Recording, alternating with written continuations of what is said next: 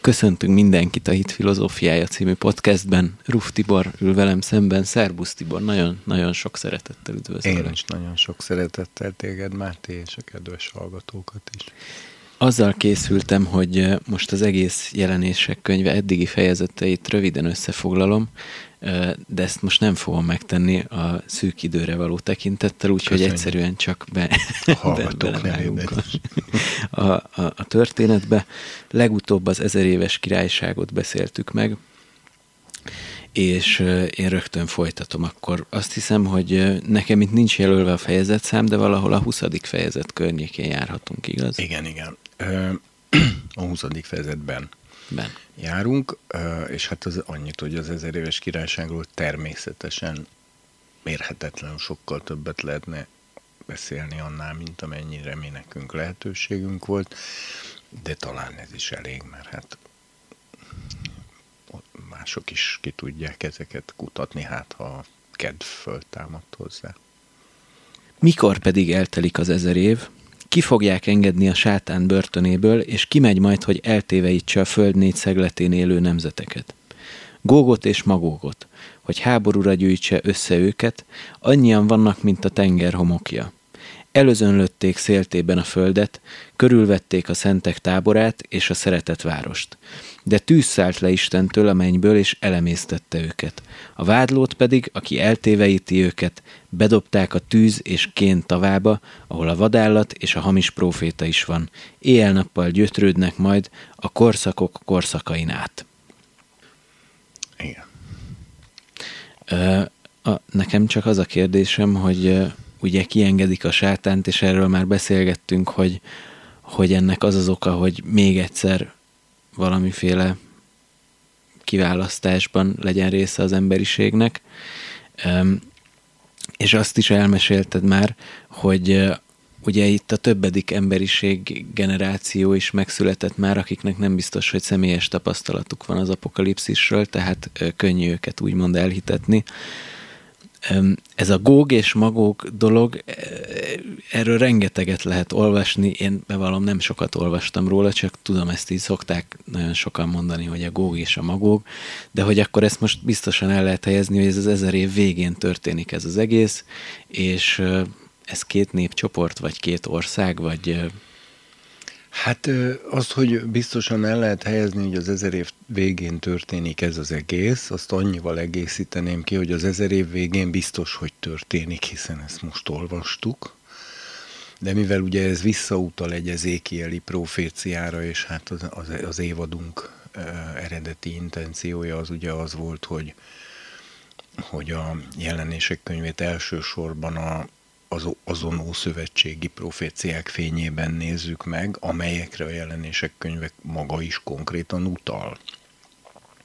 Most tekintve, hogy a Bibliában Mágóg neve ugye szerepel a Noahita nemzetség táblázatnál, tehát a Noé utáni nép, népcsoportoknál, de Gógé nem, viszont az Ezékielben igen.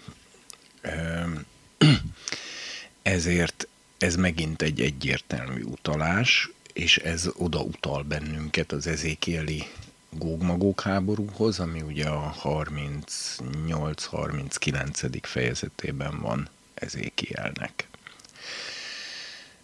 Ott viszont, ha azt ugye elolvassuk, ami egy ilyen igen részletes leírása ennek a háborúnak, nem egy ilyen három mondatos, hanem egy két fejezetnyi leírása, ott viszont bajokba ütközünk az értelmezésnél, mert egyfelől ugyan azt mondja, hogy ez akkor történik, amikor a föld már megnyugodott a fegyvertől, és Izrael fiai kapuk zárak, és tehát különösebb tehát védelmi tehát hadsereg meg minden nélkül élnek már, és ez ugye utala.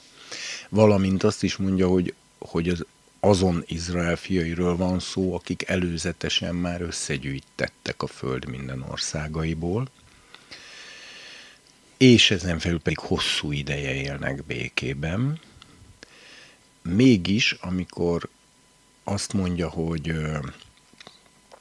ugye elpusztul a gógmagok hadserege, akkor azt mondja, hogy utána e, a, egyrészt hét hónapig temetik a halottakat, másrészt pedig hét évig tüzelnek a, a fegyverekből. Na most, ha itt véget ér közben az ezer éves királyság, és mint látni fogjuk, egyben véget ér ennek az univerzumnak a története, és, és megkezdődik az új ég és az új föld története, akkor nem világos, hogy miért kellene temetgetni hét hónapig a hullákat, illetőleg miért mi, mi az a plusz hét év, amikor még a fegyverekből még tüzelniük kell. Tehát magyarul, magyarul az értelmezésben ezek a problémák vetődnek föl, és ezért a biblia kutatók, biblia tanítók igen nagy része azon az állásponton van, hogy ez is duális profécia, vagy, vagy legalább duális, mert ugye annál többszörös is lehet egy profécia, és ugye ezen azt értjük, hogy nem egy beteljesedése van a történelemben, hanem, hanem kettő vagy annál több.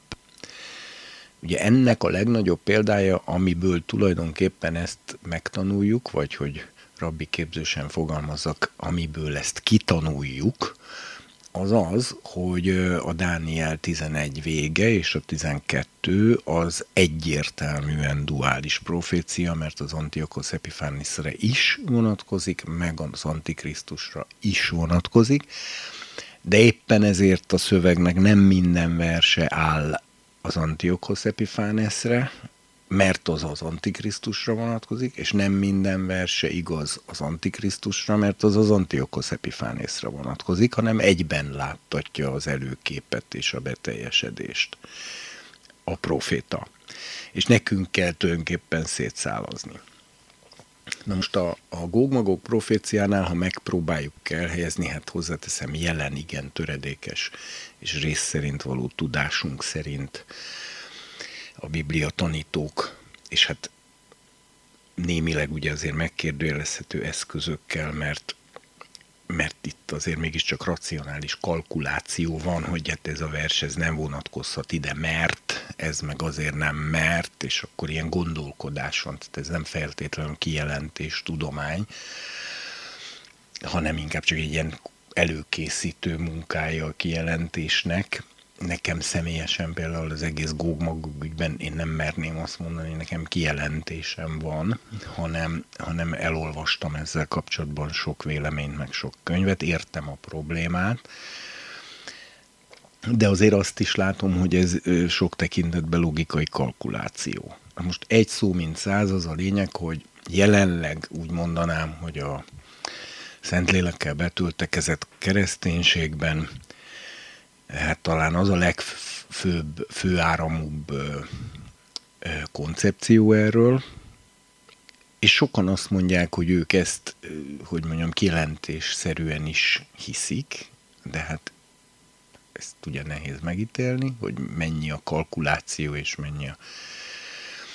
Hogy, hogy van, lesz egy góg-magók háború még az egész nagy nyomorúság előtt. Tehát még a, még a jelenések könyve esemény sorának a megkezdődése előtt tulajdonképpen, illetve úgy értve, hogy, hogy, a, hogy még az egyház történelmi kornak a végén.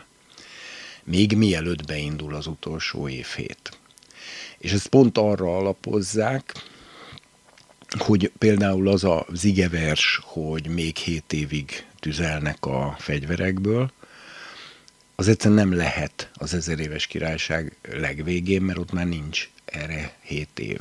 Hát most de ez, erre mondom, hogy ez egy kalkul. Na, de erre mondom, hogy ezek be? ilyen kalkul... Ki, tehát, de ez hasznos dolog egyébként, tehát az nagyon, ugye az igének a tanulmányozása az olyan, mint a főzés.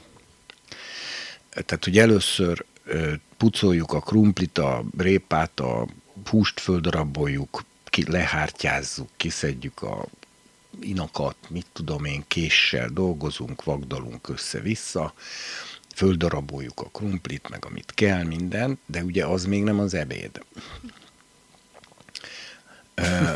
ez jó, ez jó. És akkor berakjuk a, a lábosba, és utána a Szent Szellem szimbólumait kell használnunk, ugye?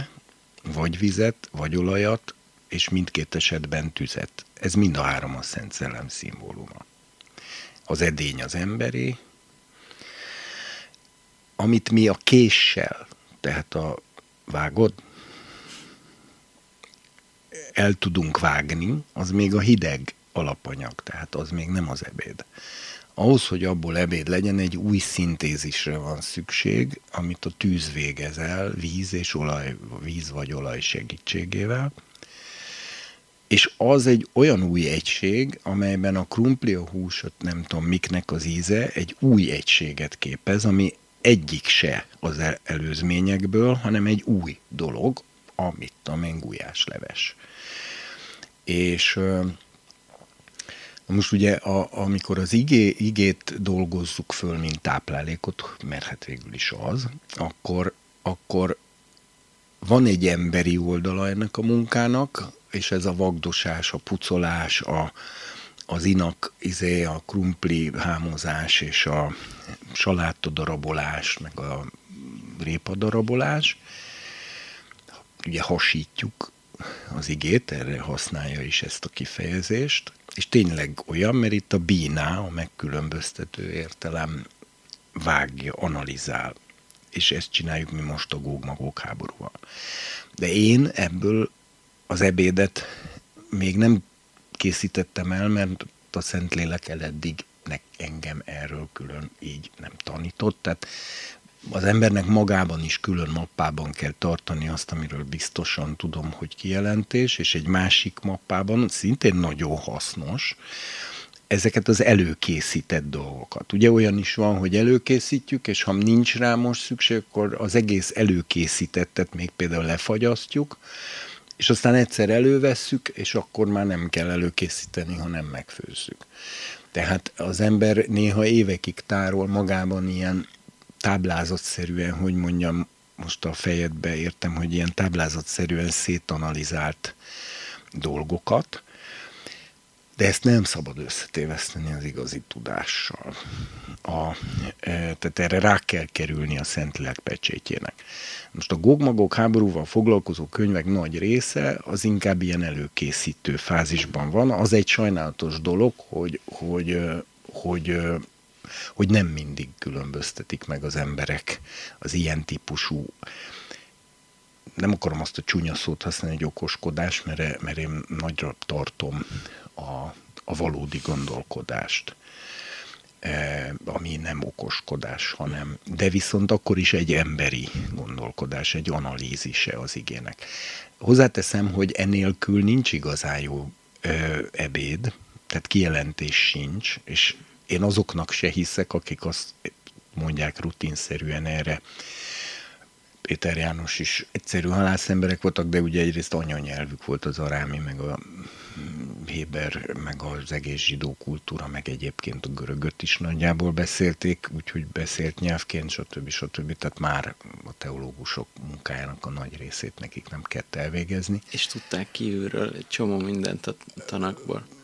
Igen, az meg egyébként azért van, mert akkor ugye kötelező általános iskolai Igen. oktatás volt, de abban most nem menjünk bele mélyebben, csak azt akarom mondani, hogy, hogy ez egy hamis érv, amit a, azok szoktak mondani, akik szeretik az ostobaságot. Mert vannak olyanok, kifejezetten szeretik a butaságot. E, azok szokták ezt nagyon hangsúlyozni, mert nem szeretnek gondolkozni. Vannak emberek, akik lusták intellektuálisan, ugyanúgy, mint ahogy vannak emberek, akik lusták fizikailag. Például én az életem nagy részében fizikailag rendkívül lusta voltam. E, most már nem engedhetem ezt meg magamnak. Hát sajnos én mindkettőre nagyon hajlamos vagyok, csak hogy senki ne érezze rosszul magát a hallgatóink közül, és keményen dolgozom, hogy valahogy De miért nem baj, ha néha valaki kicsit rosszul is érzi? nem mindig ártott. Na, visszatérve tehát, hogy az a lényeg, hogy, hogy én abba se hiszek, hogy a megfelelő emberi előkészítő befogadó, előkészítő munka nélkül jó kijelent, tiszta kijelentést lehet kapni. És ha ezt valaki nem hiszi el nekem így, akkor a példázattal szeretnék, amit hoztam, válaszolni. Csináljon egy olyan gulyáslevest, amiben nem, ami előtt nem használ kést, hanem mindent úgy rak be, ahogy van. Koszosan, a krumplit, és aztán majd fog csikorogni a foga alatt a homok, a krumpliról, meg a répáról, meg nem bírja majd szétrágni az inakat, meg hasonló mocsingos lesz, eleve föl se vághatja a húst, hanem egybe kell berakni, az már egy másik étel, és nem lesz jó. E, és ezt azért mondom, mert én meg vagyok róla győződő, hogy mivel nekünk az Istennel való együttműködés a feladatunk, mi nem passzív befogadók vagyunk, hanem kutatni kell a kijelentésére, ez meg van írva az 1 Péter 1-ben, hogy a proféták nyomozódtak és tudakozódtak, hogy mely vagy milyen időre jelentette ki a Krisztus bennük levő szelleme azt a dolgot, amit kijelentett, akiknek megjelentetett, hogy nem maguknak, hanem nekünk szolgáltak, tehát de kutatniuk, nyomozódniuk kellett, mi, hogy például megértsék azt, hogy nem a saját nemzedékükhöz idejében teljesednek be azok a dolgok, amiket ők mondanak és ezért a profét, proféták aktív emberek voltak ilyen értelemben, nem csak az imában, meg ilyesmiben, hanem a kutatásban. Tehát a, kutat, a szellem mindeneket kutat, még az Isten mélységeit is, ugye így mondja Pál. Maga a Szent Szellem is egy kutató szellem, aki az atyának a mélységeit kutatja, és tulajdonképpen mi ővele együtt kutatunk és amit ő kikutat, de sokszor nekünk kutatja ki, tehát a mi kérdésünkre kutat, és ugye a, a mi részünkről az aktivitás az, hogy amink van, ez pedig a kezünkbe kapott Biblia, meg az emberi képességeink, azzal azért keze alá kell dolgozni a Szentléleknek ahhoz, hogy az ember utána olyan kijelentést kapjon, amiben mert természetesen meg lehet enni azt a, és tápláló is lesz, hogyha e, koszosan rakom be a krumplit répát, de kellemetlen lesz a fogam között a homoknak a recsegése, illetve a, a mócsing, meg az, hogy az egész nem is az lesz, ami, aminek szántuk. Na tehát most visszatérve, amennyit én látok a gógmagóg dologról, és ami miatt én óvatosan is bánok vele, az az, hogy én nekem személyesen ez az étel még nem főtt meg, tehát nem tudok fix választ, olyat, amit én magam is hogy mondjam, legalább valamennyire meggyőzőnek érzek. Én azt látom, hogy a biblia kutatók ezen a duális profécia kérdésen eh, ből indulnak ki, és ugye, ha még érdekesebbé akarjuk tenni ennek a történetét, akkor itt meg kell egyezni, hogy természetesen a judaizmusnak is van a gógmagók háborúról éppen emiatt egy nagyon kiterjedt és kidolgozott látása ami viszont a gógmagóg háború teljes mértékben azonosítja azzal, amit mi Armageddonnak hívunk, tehát a judaizmus szerint a messiás az, aki a gógmagógot legyőzi, és az eljövetelekor, ami viszont azért érdekes, mert ez mutatja, hogy a zsidóság is a gógmagóg háborút a messiási kor elé helyezi, nem pedig a végére de nem a nagy nyomorúság előttre, hanem pontosan annak a végén, a, ahol a messiás összecsap a föld hadseregeivel. És, az, és az, a, itt van az Arbilos, meg a, Armil, meg a Béliel, meg ar, ezek a ar, dolgok. Armilos. Armilos. Armilos. Ők úgy hívják ugye azt, akit mi úgy hívunk, hogy Antikrisztus. Ah. Na most így aztán, ha a judaizmust is belevesszük, akkor összesen három gógmagok háborúnk van már. Van egy a, azon keresztény értelmezés szerint, mi szerint ez még a nagy nyomorúság előtt kell, hogy bekövet, tehát az egész jelenések könyve az utolsó évhét előtt kell, hogy bekövetkezzen, és tulajdonképpen ez valamiképpen az utolsó évhétnek a nyitánya. Majd pedig az ezer éves királyság végén van a duális profécia második beteljesedése. Ez a, a tulajdonképpen mi is ezt valljuk, de ugye nem egy olyan lezárt értelemben, hogy ez valami vitathatatlan dogma lenne, hanem eszkatológiáról nálunk a gyülekezetben inkább az a szokás, hogy, hogy egy ilyen közös hangosan gondolkodás van, hiszen az eszkatológiai kérdések igen nagy része nem lezárható Sándor is ugye mindig ezt hangsúlyozza, hogy ezek nem, ez nem olyan, mint az, hogy a Krisztus megjelent testben, tehát nem egy nem egy fundamentum. És mi a harmadik? A harmadik a judaizmus verziója, amelyik szerint az Armageddoni háború a Góg-Magóg, ami ugye a nagy nyomorúság végén van. Tehát ha mind a hármat összerakjuk, akkor van egy Góg-Magóg háború az utolsó évhét előtt közvetlenül, van egy Góg-Magóg háborunk a judaizmus szerint az utolsó évhét végén, Armageddonnál, és van egy Góg-Magóg háborunk az ezer éves királyság végén. Az, amit most felolvastál. Most, De hát ebben semmi lehetetlenség nincs, mert most ha azt nézed meg, hogy mondjuk a Krisztus szelleme, az hányszor villantotta föl magát a történelemben, esetenként akár József sorsán keresztül, vagy Júda sorsán keresztül, vagy, vagy akár Sámson sorsán, hány előképe van a Krisztusnak a Szentírásban, hát szinte az egész róla szól, hány, hány Babilonnal találkoztunk eddig a Bábel tornyától elkezdve a babiloni birodalmon át a, a jelenések könyvéig, és akkor közben még a luteri értelmezés, meg az összes többi. Tehát semmi meglepő nincs abban, hogy ezek a bizonyos typoszok, ezek, mert ezek mögött személyek állnak, ugye lények, erről is beszéltünk múltkor, hogy ezek a lények pedig nem változnak, ezért amikor a történelemben nagy foci meccsén a labda épp náluk van, akkor mindig ugyanazt csinálják, tehát az mindig hasonló. És ezért vannak a történelemben ezek a karakterek, ezek a typoszok, mint a Babilon, vagy akár a Krisztus szelleme, vagy akár az Antikrisztus szelleme, vagy a, vagy a törvény szelleme, vagy a vagy a, vagy a magók. Hát az is, a, mögött is ugye angyalok állnak. Itt ugye a második kérdésed második fele az arra vonatkozott, hogy kik ők. Hogy kik ők? Igen, ez a nagy kérdés. hát ugye a, a néhány nevet a felsoroltakból, főleg amiket az Ezékiel is felsorol, azok, mert ugye ez egy szélesebb koalíció, tehát ebben benne van Pút, vagyis Líbia, e, benne van Perzsia, vagyis a mai Irán, és így tovább. A mágóg, az ugye arról annyit tudunk, a, hát azt is ugye elsősorban Biblián kívüli forrásokból, de azért részben bibliaiakból is, mert arra egyébként utal az ezékiel is, hogy a messzi éjszak földjéről hívja el Isten erre a háborúra. Mindenképpen Izraeltől észak felé van.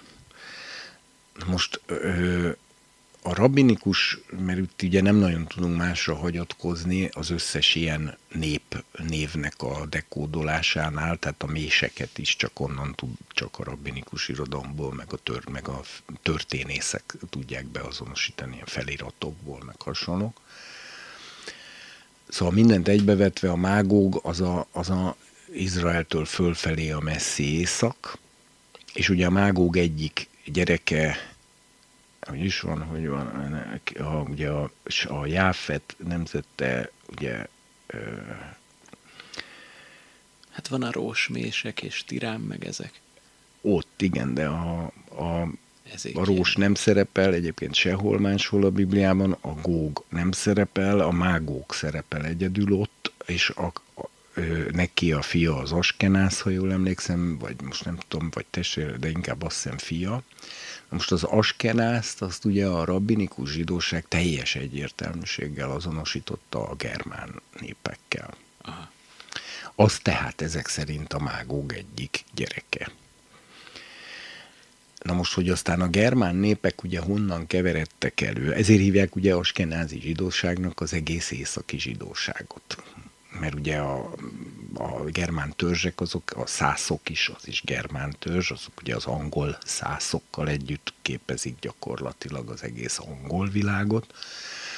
A, e, ugye a porosz, a sváb, a e, bajor, a, mit tudom én, a többi törzsek, ezek mind törzsek voltak lényegében ugye a németeknél, ez mind az askenáz, és ezért hívják az úgyhogy a skenázi zsidóság, mindazt a diaszpora zsidót, aki ezeken a területeken, tehát akik ezeken a területeken szervesültek be a helyi társadalmakba, aztán ugye, de hát honnan jöttek a germánok, a szászok, a, ez az egész társaság, ez se volt itt örökké Európában, hanem ezek ugye indo-európai népek, a nyelvük is indo-európai.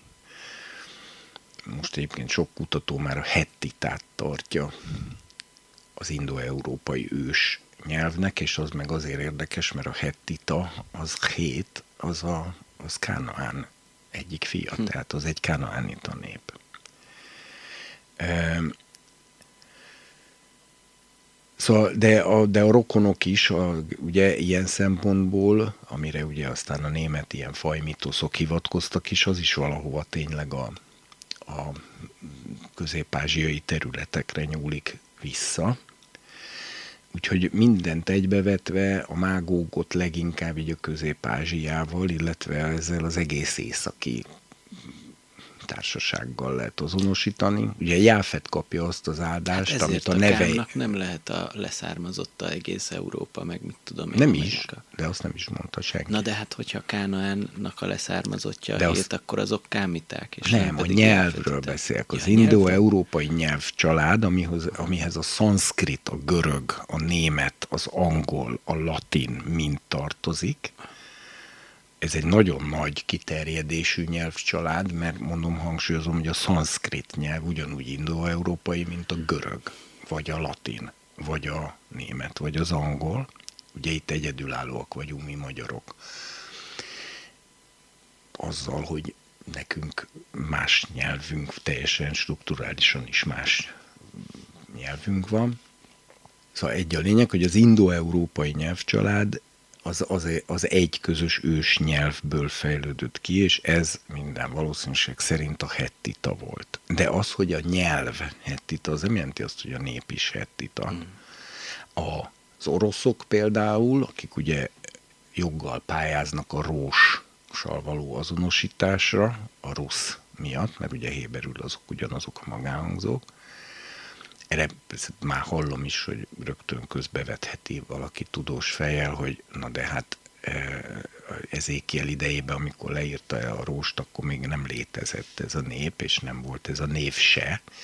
Sajnálatos módon ez nem ellenérve arra, amit mondok, ugyanis a proféták számos esetben mondanak a jövőbeli neveket. Ugye volt egy Isten embere Júdából, aki nem is tudom, két-háromszáz évre előre megmondta, hogy Jósiásnak fogják hívni azt a királyt, aki majd a bételi voltárt megsemmisíti. Maga Ezékiel is mondja, hogy lesz ott egy város, amelynek Hamóna lesz a neve, pont a gógmagógos részben mondja ezt. E, tehát, és van ilyen város? Nincs, és akkor se volt. Meg hát ugye a, a názáreti profécia, ahogy a, egy nócri származik Isály törzsökéből, amit ugye a négyszer szót a veszőszálat lehet nócrinak, azaz názáretinek olvasni, mivel hogy nincs magánhangzó, és emiatt ö, a mondat fordítható úgy helyesen, hogy egy názáreti származik is Isály törzsökéből, na de názáret nem létezett még Ézsajás idejében, ha ezt most valaki a Máténak mondaná, nem neked, hanem aki az evangéliumba beleírta, hogy akkor teljesedett be ez a profécia, amikor Názáretinek hívták, és azt mondaná, hogy nem Zsolt még Názáret Ézsajás idejébe, akkor Máté bízom benne hasonlót válaszolna, mint én most, hogy jövőbeli neveket is mondanak a proféták. Tehát az, hogy akkor még nem volt rusz, nem volt orosz, és mint nép se volt még, attól még a rós, amit ugye te tudod, mint héberül tudó, hogy az est pontozástól függően esznek is sejthetem,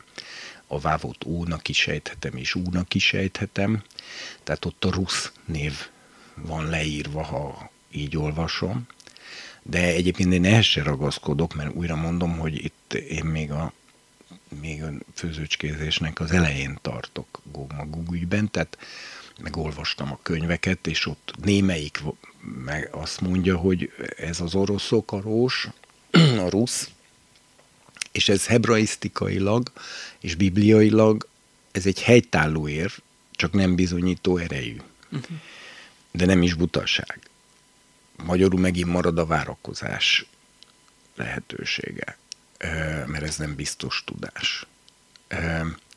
Na például egyébként az oroszok, azok vikingek. Tehát az orosz nép etnikailag az a vikingek Varég nevű törzsének a a leszármazottai, akik egyszer csak gondoltak egyet, és onnan Észak-Skandináviából betámadtak délkelet felé, és lementek egész Kijevig, és létrehozták a kijevi nagyfejedelmséget, és ez lett az orosz nép. Tehát, ö, ö, és viszont a vikingek etnikailag nem szlávok, de mégis átvették a szláv nyelvet, ezt úgy nevezik, hogy nyelvátvétel, nyelvcserének hívják. E, ugye a magyarokkal kapcsolatosan is kérdés, hogy a finnugor nyelvük az jelente egyúttal finnugor etnikai származást is, mert a népek a hosszú egymás mellett élések során csináltak nyelvcseréket ez, ez is ismert tény. És te mit gondolsz arról, hogy, hogy szerinted Tehát a... ezt csak arra mondom, hogy attól, hogy a hettiták, mint kámita nép, lehetett az indoeurópai ősnyelv, abból nem következik, és én nem is állítom ezt, sőt, kifejezetten az ellenkezőjét állítom, hogy ezek a jáfetita névcsoportok ettől még átvehették ezt a nyelvet, és aztán szétvirágoztathatták abba az ezer irányba, ami a, a szanszkrittől a az amerikai angolig, az mindegy nyelv, nyelvcsalád. De, de ismerve azt, hogy a nyelv mennyire meghatározza a gondolkodást, és fordítva, szerinted mennyire alakultak át ezek a népek? Tehát egy nyelv meg tud teljesen változtatni, tehát a nyelv eredeti tulajdonosának a szellemiségét át tudja venni egy olyan nép, ami átvesz egy nyelvet, és átvesz egy kultúrát? Ezt nem gondolom, mert közben az a nyelv is sokat fog változni, pont azért, mert az a nép az hozzá fogja idomítani sok tekintetbe a saját életformájához. Nekünk szinte az összes földműveléshez kapcsolódó szlav, szavunk a szláv jövevény szó. Uh-huh. Egyszerűen azért, mert az ősmagyarok nem foglalkoztak ilyesmivel. Ezért, amikor elkezdtek foglalkozni vele letelepedvén, itt a Kárpát-medencében, akkor ö, ö, ugye rengeteg jövevény szót vettek be, rengeteg török jövevény szavunk is van, amiről nem is gondolnád, rengeteg szláv jövevény szavunk van, meg mindenféle egyéb. Tehát ezek nem ennyire vegy tiszta dolgok. Ha valakit érdekel, hogy a nyelv hogyan hat vissza a, a gyakorlati cselekvésre, és a gyakorlati cselekvés is hogyan hat vissza a, beszél, a beszélt nyelvre, hiszen hát állandóan új szavakat alkotunk, e, a új életforma szituációra új szót alkotunk. Nemrég megalkottuk például a Covid-köd új szót. Covid-köd, te még nem hallottad? Nem hallottam. Ez most már orvosi szakkifejezés szinte, hogy a Covid ugye egy ilyen akár több hónapig is tartó szellemi tompaságot tud okozni. Ez a post-Covid tünetek közül egyébként úgy tudom a leggyakoribb hosszú ideig tartó fáradtság, és ilyen szellemi tompasság, szellemi fáradtság. Ezt elnevezték Covid-ködnek, mert egy tényleg egy teljesen speciális betegségtünet, náthára, influenzára nem jellemző, tehát ezt azt mondom, mihelyt jelentkezik egy új jelenség, azt elnevezzük, tehát alkotjuk is ugye mi a nyelvet, nem csak használjuk, ez nagyon fontos dolog, mert ezt a megbizatást már az édenkertben megkapta az ember, mert hogy ugye mi neveztük el az állatokat is. És ugye ez, ez azért fantasztikus, mert ez azt jelenti, hogy mivel Isten is ezeket a szavakat használja, amiket Ádám az állatokra alkotott, ezért a logoszba, beépül az, amit mi, mi, alkot, mi alkottunk meg. Ez nagyon érdekes. És nagyon megtisztelő. Úgyhogy... De a logosznak szerinted része a mi nyelvünk is? Hát könyörgöm, ha Ádám nevezte el az oroszlánt oroszlánnak, és utána a Biblia igék százaiban használja az oroszlán szót, mint Júda oroszlánja, meg mit tudom én micsoda, akkor ott az Isten folyamatosan egy Ádám által alkotott szót használ, és azért a Júda oroszlánja nélkül az ige nem lenne az, ami. Nem beszélve arról, Én hogy ezt... az Isten báránya, a nyában is a bárány szót is Ádám alkotta, mert minden állatot ő ezt, nevezette. Ezt értem, nem, nem így vetettem ezt föl, hanem csak, hogy a, a logosz, vagy ahogy te, szóval beszélgettünk róla, hogy a Biblia is az a lenyomata a logosznak egyfajta ilyen kicsapódása, de hogy a logosz lényege az egy folyékony és ilyen zeneszerű valami leginkább. én, én, ez a igen. Tehát a logosz nem változik meg a nyelv hatására, csak a logosz használja a nyelvet, hogy mi megértsük. Így, így kérdezem inkább. Hát nem is változik, meg változik is, mert egy folyó az, az, az, az egyszerre nem is változik, meg változik is uh-huh. szüntelenül. A logosz, én úgy mondanám, és nekem talán így jelent a legtöbbet, hogy nem csak mi fogadjuk be a logosz, hanem bizonyos értelemben a logosz is befogad minket. E, hajlandó a mi nyelvünkön beszélni. Uh-huh. E, és ez egy, ebben ő nagyon alázatosan viselkedik, hogy úgy mondjam, hogy ő alá, belerendeli magát, vagy alárendeli magát a mi szavainknak, és azt, mint, mint szentet tekinti. De ilyen értelemben azért az ember az egy társalkotó, természetesen nem azonos rangú társalkotója a világnak, mint az Isten, és természetesen kizárólag Isten felfoghatatlan kegyelméből következik az, hogy ő beemel, vagy fölemel minket egy ilyen társalkotói pozícióba, úgy, mint ahogy egy apuka a kisgyerekeit bevonja olyan tevékenységekbe, hogy ezáltal nevelje meg, építse őket, amik tulajdonképpen szinte felnőtt tevékenységekbe vonja be őket, hogy tanuljanak, és hogy még akár ugye hagyja is, hogy mit tudom én, azt a falat azt fessük olyan színűre, amilyenre te szeretnél, vagy akármi, tehát hogy, hogy valódi beleszólása van az alak, a dolgok alakulásában. Ugye itt is az van, hogy aki nagyon absztrakt, az ezt se tudja fölfogni, mert ez megint egy transzcendens dolog, amit nem lehet ellentmondásmentesen fölfogni hogy, hogy hogy lehet az, hogy Isten mindent úgymond képes a kontrollja alatt tartani, de közben, ahogy erről már múltkor beszélgettünk, tulajdonképpen egy társas játékot teremtett, amikor a világot teremtette, mert azzal, hogy szabad akaratot adott ugye a lények egy részének köztük az embernek is, ezzel ő egy, ő egy társas játékot alkotott. Tehát ő nem passziánszozik egyedül, hanem hanem sok szereplős társasjátékot alkotott, amely, amely az ő úgymond akaratától függetlenül is működik, amire persze rögtön egy részt nagyon megijedhetünk, hiszen a bűn ezáltal vált lehetségessé az univerzumban, egyáltalán le- lehetségessé, ezáltal vált. Másfelől viszont ez mégis így jó, de hát erről már beszélgettünk igen, régebben. Szerintem térjünk vissza, így aztán soha nem jutunk el. Bocsánat, hogy eltereltem ezzel a nyelv filozófiai Csak felvetéssel. A, tehát térjünk oda-vissza, hogy, a, hogy a nemze, ezeket a nemzeteket megpróbálgathatjuk azonosítgatni. Tehát a, a, a róst, a ruszt, mivel a Bibliában sehol máshol nem szerepel, vagy azt kell mondanunk, hogy fogalmunk sincs, hogy az mi, vagy azt kell mondanunk, hogy esetleg talán lehet rusz.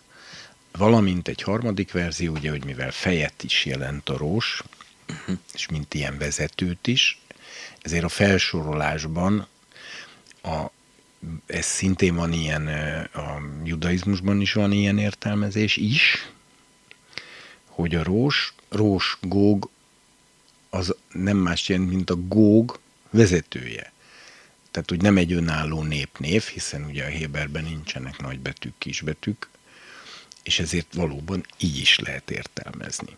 Úgyhogy jó rejtélyes, de nem baj, mert a profét iratoknak, rejtéseknek kell És akkor lenni. lehet, hogy egy csomó ilyen fejről szóló kifejezés, vagy ahol az van, hogy mondjuk most hirtelen az jut eszembe, hogy miért emeli föl a fejét ugye a folyó. Azt mind Patak. úgy fogod fordítani, azt mind lehet, rossz. Azt mind lehet, vagy lehet bizonyos részét, lehet, hogy majd úgy kinyílnak a proféciák, hogy lehet, hogy arra is vonatkozik. Kinyílhat bármikor bármelyik profécia olyan, olyan értelemben, hogy egy másik olvasat, ami korrekt olvasat, de eddig senkinek se jutott eszébe. Az kinyílhat úgy, hogy azon a Szentlélek, azon, mert lásd a názáreti proféciát, tehát hogy a négyszert nócirinak kell olvasni, és akkor azt jelenti, hogy egy názáreti születik Isály tör gyökeréből, ez, ezt a Máténak elevenítette meg így a Szentlélek, és hát annyira, hogy beleírta a Bibliába, és ezt most mi akár tetszik, akár nem el kell, hogy fogadjuk, hogy ez a Szentírás, és ez a Szentléleknek az értelmezése. És rabinikus magyarázati szempontból tökéletes, tehát az, ez az Altikreu szabályjal, tehát a másképp olvasással eh, mondott igei bizonyíték, az Agadá szerint teljes értékű bibliai bizonyítéknak számít. És akkor végső soron abban megegyezhetünk, hogy nem, nem tudjuk ki Góg és Magóg, vagyis úgy A Magógról azért annyit tudhatunk fixen, mert hogy az szerepel máshol is, hogy, ott tényleg arról van szó, hogy ez az Izraeltől messzi északra, tehát nem a közeli északra, hanem a messzi északra eső társaság, akinek mindenféle fiai vannak, akik közül az Askenászt a rabbinikus zsidószaság ős, ősidők óta a germánokkal azonosítja. És ugye a Jáfet, ezt akartam még mondani, hogy a, a Jáfet áldása, hogy kiterjeszti az úr, Jáf terjessze ki az úr Jáfetet, és maga neve is ezt jelenti, a Jefet, hogy kiterjedés. Tehát ott egy szójáték is van, ugyanazzal a szóval mondja, hogy terjessze ki, mint ami a neve. Hmm. Na most ezt látjuk beteljesedni, mert ha megnézed, akkor a sémita népek mind ott maradtak a földnek a közepén, tehát a lakott földnek a mértani közepén, ott a, a közel-keleten.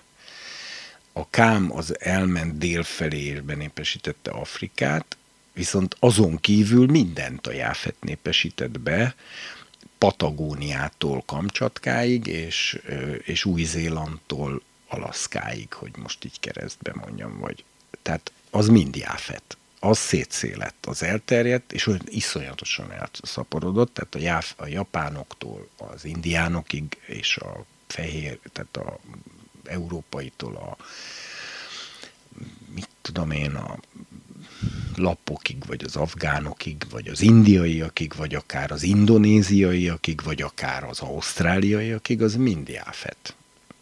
Na most ezen a nagy jáfet tömbön belül az Izraelhez képest magas észak, messzi észak, az a mágóg és a leszármazottai,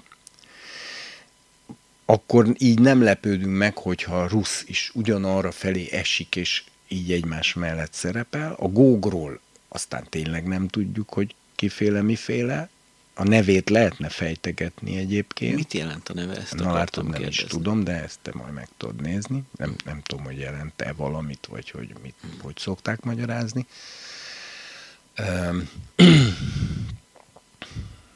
Én nem emlékszem ilyen ige gyökre, vagy ilyen jellegű gyökre, amiből ezt ki lehetne találni, de, de lehet, hogy van, hát nem anyanyelvem azért ez. És, és akkor ugye utána jönnek a különböző szövetségesek, akik viszont viszonylag egyértelműen azonosítható, mert a mések, tubál, ezek török, különböző török népcsoportok északra, közelebbi észak, tehát Törökország területe. Volt egy pár éve, hát lehet, hogy akkor te még nem éltél, de lehet, hogy igen, és már emlékszel rá, hogy a törökökkel volt egy nagyon éles konfliktusa Izraelnek. Ilyen török, nagyon éles volt, egy pár éve volt ez, és mindenki bele is szólt, és többek közt az oroszok is beleszóltak a törökök mellett, meg minden volt. Én akkoriban pont voltam Jeruzsálemben, és a Meás Árimnak a falait ellepte egy olyan plakát, amin héberül az állt, hogy Gog ve Magog, hm.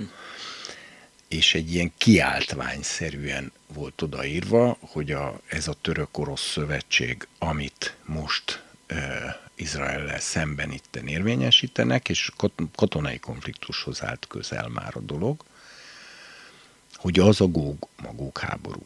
Tehát itt látszik, hogy a Meás Árimba Izrael ugye ortodox ilyen értelemben a rabbinikus hagyományhoz legjobban értő része Izraelnek, az, az kapásból azonosított egy, görög, egy orosz-török szövet, katonai szövetségi viszonyt a góg háborúval.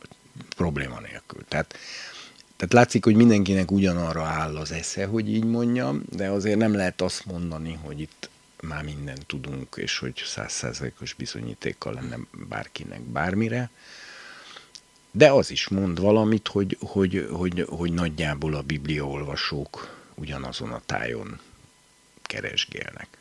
És akkor ugye ez, mint vezér, vezető hatalom lép szövetségre, ugye részint perzsákkal, az ezékiel szerint, részint líbiaiakkal, e, sőt még más etikumokat mond, meg a török.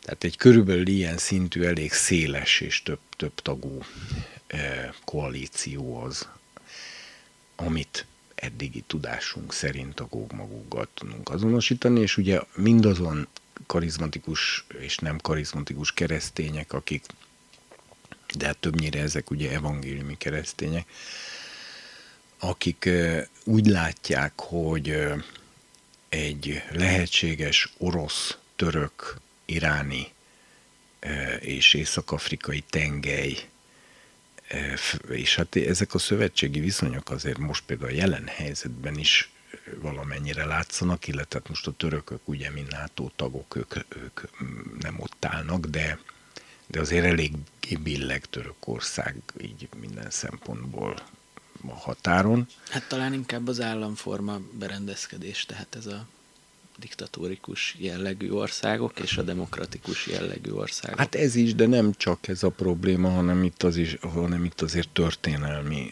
szövetségek vannak. Tehát azért a, mondjuk az orosz-iráni például az nem, nem egy új keletű ö,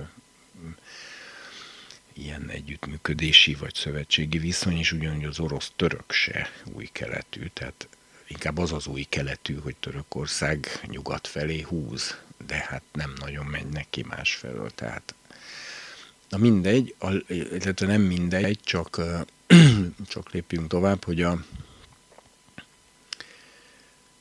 tehát most sok evangéliumi és karizmatikus keresztény várja azt, hogy még mielőtt az elragadtatás és a nagy nyomorús, illetve az utolsó évét megtörténne, vagy közvetlen azzal egy időben, ugye vannak, akik így is dolgozzák föl ezt a témát, hogy, hogy gyakorlatilag a gógmagok háború győzelme és a keresztények elragadtatása az, az, szinte egyet, egy azon pillanatban kell, hogy megtörténjen. És tulajdonképpen a gógmagok háború vezet az antikrisztusi birodalom kialakulásához ugye most is azért sokan, akik bibliai műveltséggel rendelkeznek, azért azért figyelnek a mostani események során is, mert hát azért most hát én egyébként nagyon szeretem az oroszokat őszintén, de az orosz ismerőseim mondják azt, hogy a Putyin megőrült, tehát, tehát azért ez, ez ugye nem egy tehát ez most nem egy szép dolog, ami, ami hát nem egy szép dolog, hát, ez rettenetes, ször, szörnyű, tragikus, elfogadhatatlan és elviselhetetlen. Tehát azért mondom, jó, én csak a megőrülést én azért mondom, mert ugye amikor egy szellem nagyon elkezd akarni valamit a történelemben, tehát elkezd úgymond inkarnálódni, tehát megint meg akarja mutatni magát, megint labdához jut, megint beavatkozik, mindig ugyanúgy, az a szellem az mindig ugyanúgy,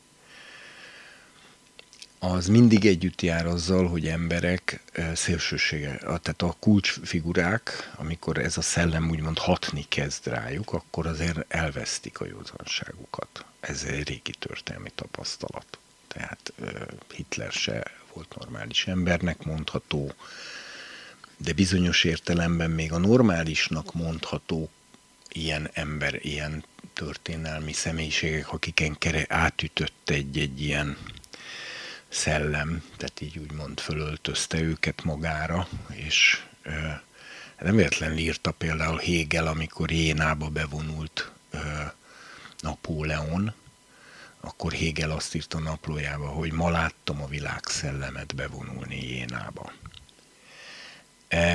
És most mindegy, hogy a hégeli világszellem az tulajdonképpen most az Istene vagy az ördöge, mert ez szerintem még a Hegel előtt se volt világos, hm. de ezt nekünk nem kell most eldönteni.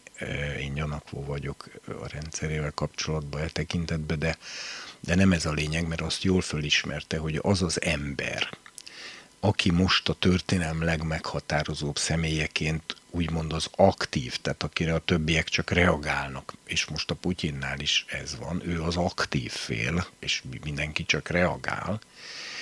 Ugye ilyenkor azért annak az, annak az embernek a, a hogy mondjam, az, a tudatállapota az azért meg van változva, hidd el. E, még egy Napóleon esetében is. Nem mondom, hogy bolond volt a Napóleon, mert ő nem ilyen típusú figura volt, de azért ez, ehhez kell egyfajta, egy kicsit azért megszállva kell lenni ahhoz, hogy valaki ilyesmiket végbe vigyen. Ugye a Nagy Sándor is ezen dilemmázott, még mielőtt meghalt, hogy, hogy az nem lehet, hogy ő nem természet fölötti eredetű lény, hogyha ő ezt meg tudta csinálni, hogy 30 éves korára a világ ura lett, és ezért ugye végén azt gondolta, hogy, hogy, ő, hogy ő egy ilyen fél, félisten, vagy tehát, hogy a valamelyik istenség nemzette őt igazából. Ez, ez is mutatja, hogy nem csak amikor a csúcsra érnek, de ma maga az, hogy valaki ilyet végbe vigyen. Tehát, hogy valakinek ez, hogy akkor a graft legyen benne, meg olyan tudatállapotban legyen, hogy, hogy eljut odáig, ami, ameddig ezek az emberek hogy egy hihetetlen erővel teszi föl az egész életét arra, hogy egy birodalmi szintű háborús ö, nemzeteket foglalunk el, és mit, tehát, hogy ez nem akarom azt mondani, hogy senki se normális, aki így viselkedik, de de azért az átlagember az nehezen ért, érti meg, és, és hát furcsa a légkörben élnek az ilyen emberek. Tehát ugye ez együtt jár aztán azzal, hogy senkibe se tud már megbízni, akkor maga is paranoiás lesz, akkor, akkor küzd a paranoiája ellen, tehát el is fogy körülötte a levegő, tehát ez nem egy normális emberi állapot ilyenkor. És a rós egyébként, ugyebár a Héberben a szellemi fejedelmeket rendszeresen szár szóval nevezi meg a Héber, de azért a rós is szinonima, tehát az is fejedelmet jelent. Én nem tudom, ha őszintén kell válaszolnom, kijelentés szintjén százszázalékos meggyőződésem nekem arról, hogy lesz góg, magók háború még az utolsó évhét kitörése előtt nekem erről kijelentésem nincs. Ezt biztosan tudom mondani, mert azt meg tudom állapítani, ha van valamiről vagy nincs, mert egyszerűen nem kapom meg ezt a százszerzékos belső meggyőződést. Azt értem, hogy az igék elemzésével, az analízissel ez egy, ez egy valószínűsíthető elgondolás, de százszázalékos biztonsággal azt hiszem nem is nagyon meri ezt kimondani senki. E, a judaizmus góg-magók háborújáról ugye ott az a nehézség, hogy az pont az Armageddoni háború, ahol viszont a keresztények meg éppenséggel nem góg-magók háborút vélelmeznek. Erről nagyon sokat lehetne beszélni, hogy ez vajon most akkor megállhat-e így, vagy nem, mint koncepció, de szerintem ebbe az irányba most nem menjünk el, mert az megint egy külön műsor lenne. Az pedig teljesen egyértelmű, hogy az ezer éves királyság végén mindenképpen van egy gógmagók háború.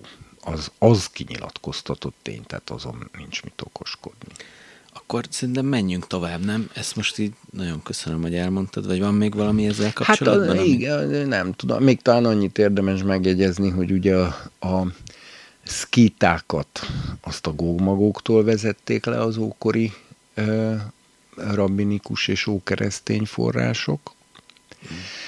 a szkítáktól vezetődik le a, a ugye a, a, legalábbis az Anonymous, meg a Kézai Simon, meg ezek a legelső magyar történetírók, vagy az ő magyar ős történet első hát földolgozói, hát nem földolgozói, csak hogy kísérletet tettek mondjuk úgy a nyomoknak a földerítésére. Ők a magyarokat a skitáktól szám, származtatják, aki viszont, akit viszont egyértelműen a gógmagóktól, és most nem tudom, hogy vagy az Anonymous, vagy a Kézai Simon, vagy valaki más, még azt is megkockáztatja, hogy a magor az a magógnak a módosulása. És ez aztán hatott az Adi Endrére, aki nem véletlenül Ez írta nem meg a Góg, legyőzni a... Góg és Magóg fia vagyok én, Aha. Amit egyébként nem is lehet máshogy megérteni azt a verset, csak akkor, hogyha valaki egyrészt mélyen megérti azt, ami itt le van írva a jelenésekben is, meg máshol is, és erről mindjárt szeretnék egy kicsit beszélni. Másrészt pedig ugye abban a református, posztmillenista eh, világképben van, amiben az Adi volt ha ez a kettő nincs meg, akkor ezt a verset meg se lehet érteni.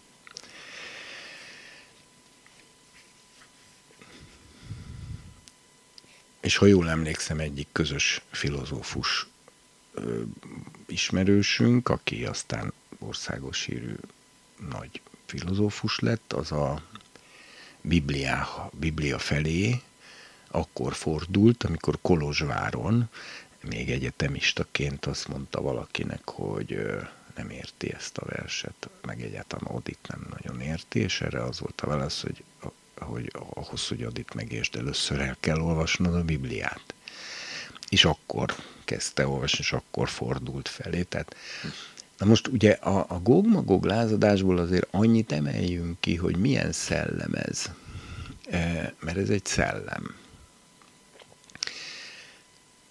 És ugye mindenki ezt szokta megkérdezni, hogy ezer évig uralkodik a messiás, boldogan él az emberiség az egész földön, áldásban, békességben, szeretetben, minden szuper, végre normális az élet, és a, ez ellen lázadni föl, az már nagyon kemény dolog.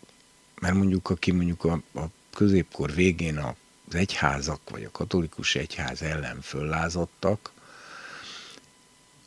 azt ugye a katolikus egyház egyből úgy értelmezte, hogy mivel az ezer éves királyság vége érkezett el, mert ugye ők is posztmillenisták, és abba hisznek, hogy az egyház történelem az az ezer éves királyság, ezért természetesen a felvilágosodás hírnökeit a katolikus részről azonnal gólmagógnak lehetett nyilvánítani. Csak hát ezzel egy kicsit azért annyiban van probléma, hogy és így értelmezték a felvilágosodást a posztmillenista eh, keresztények. Csak ezzel ugye az a probléma, hogy azért a katolikus egyház elleni föllázadásnak azért van valamennyi alapja vagy oka ennek az egyháznak a hibáiban, míg ezzel szemben a messiás, a valódi, a messiás valódi uralma elleni föllázadás, az már valami olyasmi mélységbe enged betekintést, ahol valaki egyszerűen már a jót utálja. És ugye ez egy nagyon érdekes, ilyet lehet látni, létezik ilyen emberi magatartás, hogy tudja és látja, hogy az a jó, és hogy az lenne a jó, és hogy mindenkinek az a jó, és neki is az a jó.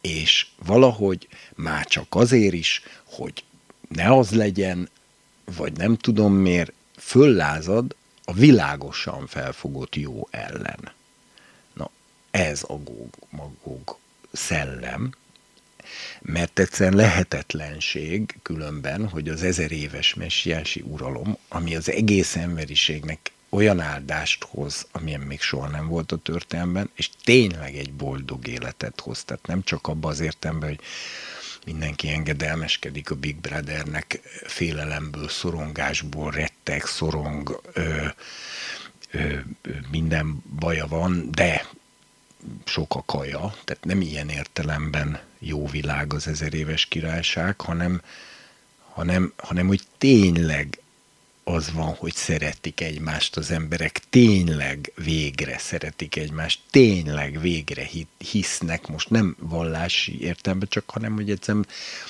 optimistán, vagy hogy mondjam, joggal állnak optimistán és pozitívan a jövőhöz, és emiatt áldásba jutnak, és van, és, és minden van, és,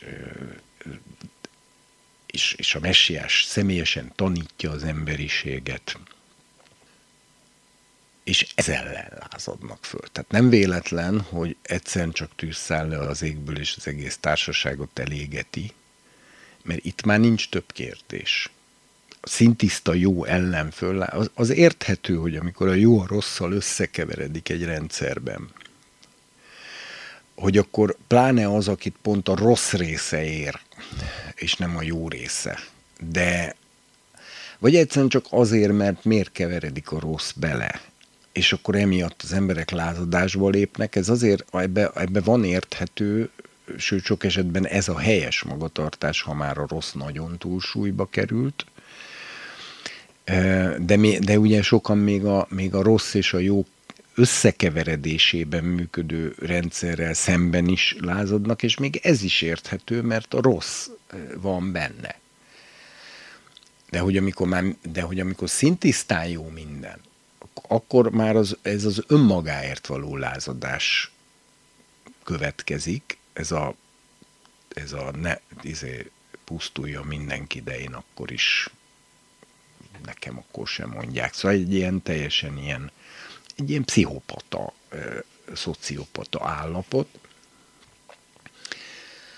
és ezért is itt nincs már további kegyelmi kísérletezés, meg ilyesmi. Az egész emberiség történelmének a végén, az, amikor az áldás és az igazságosság és minden teljesen revelálódik, tehát teljesen feltárul, teljesen kinyilatkoztatódik, és tele van a föld az Úr ismeretével, mint a tenger vizekkel, és ebben a helyzetben föllázadni,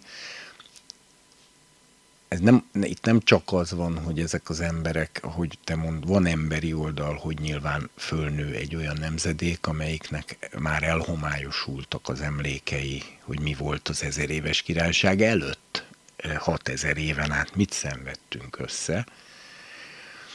Eh, ez elhomályosul, de ez nem elég önmagába ahhoz, hogy ekkora létszámú tömeg, mert itt azt mondja, hogy mint a föld homokja olyan sokan vannak, hogy ekkora létszámú tömeg ellene támadjon a tisztán jónak, ez, ez egy megint egy őrült magatartás, ez egy őrült magatartás.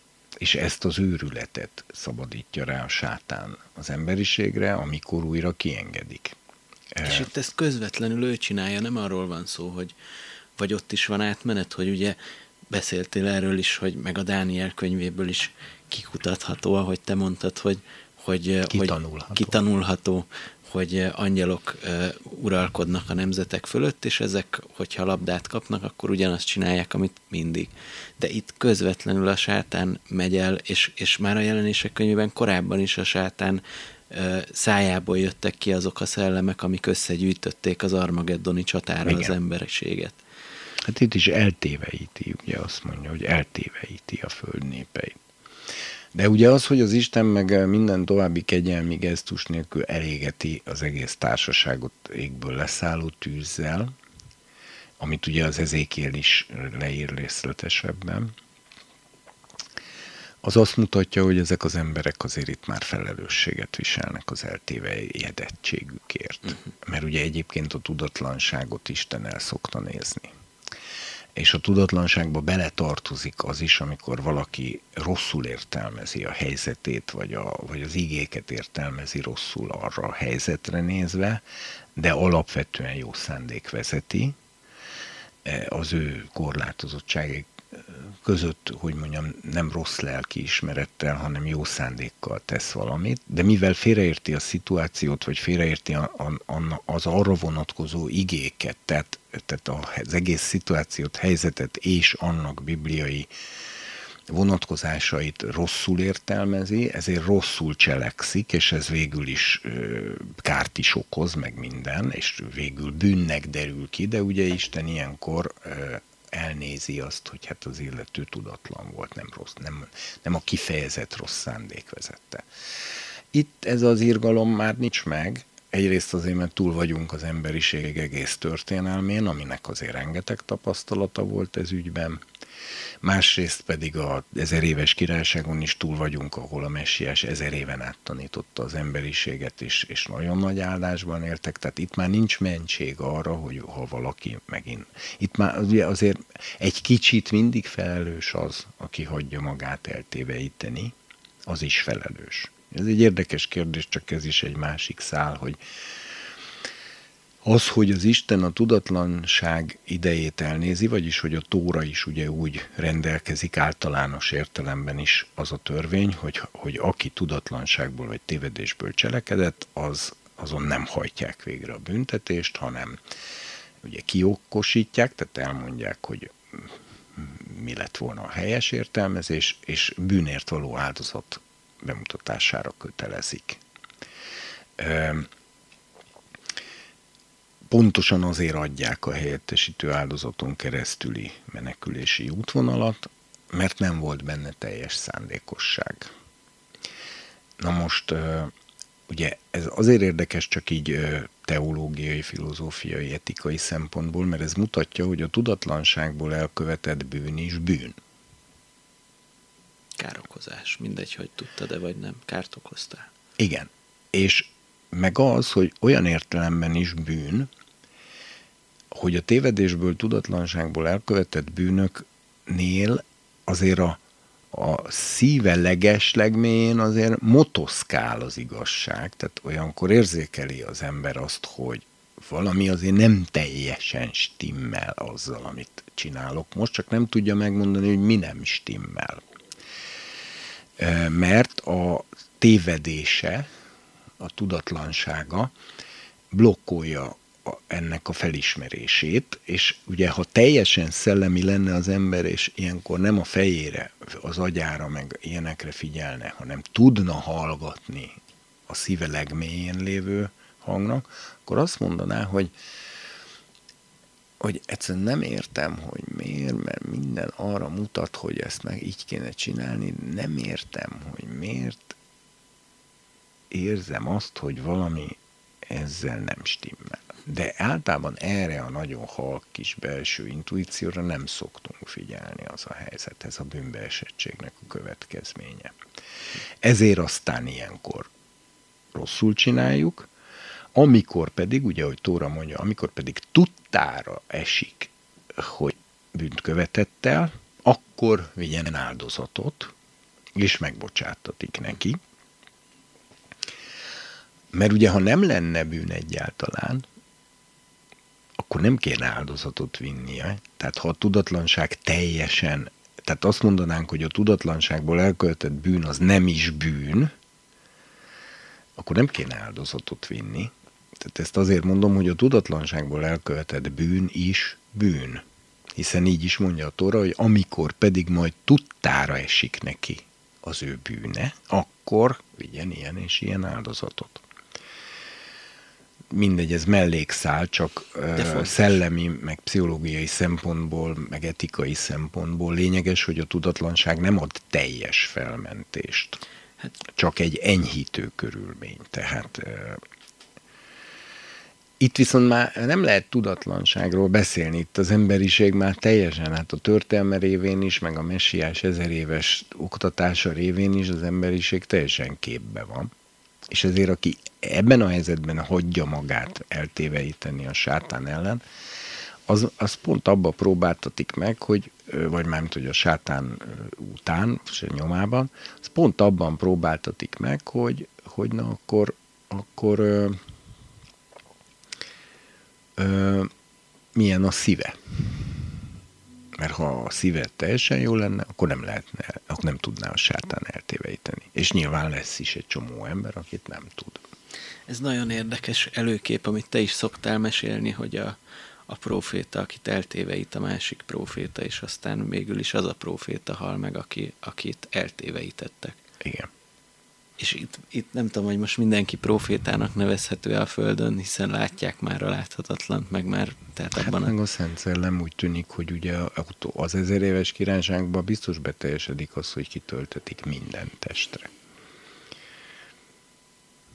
És csak ha már ezt a szellemet, és ez az utolsó kérdés, mert még tovább kell menni az új égre és új földre, ha szeretnél válaszolsz, hanem nem, de hogy hogy van egy ilyen intuíció, szóval hogy van az emberben egy ilyen érzés, amikor, tehát mondjuk a trollkodás, amit így, így neveznek, amikor egyszerűen csibészségről van szó, és, és valami látható a jó ellen, akkor is hülyéskedünk az osztályban mondjuk, hogyha tudjuk, hogy szeretjük a tanárt, meg érdekes, amiről szó van, de, itt, de van egy határvonal, amikor már tehát akkor ezt már nem csináljuk, amikor felismerjük, hogy ú, ezzel most rossz példát mutatunk valakinek, és kárt okozunk mondjuk egy fiatalabb srácban, vagy, vagy bárkiben. Tehát amikor már felelősség van, és más emberek sorsáról van szó, akkor ezt behúzzuk a kéziféket, és nem csináljuk maximum a saját magunk között fel De itt már, ahogy mondod, arról van szó, hogy ez teljesen átbillen ebbe az irányba. Tehát ez a kezdeti gyermeki motiváció válik teljesen pusztító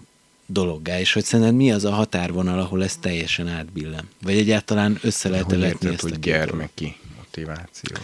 Hát az a fajta dolog, hogy nem tudom.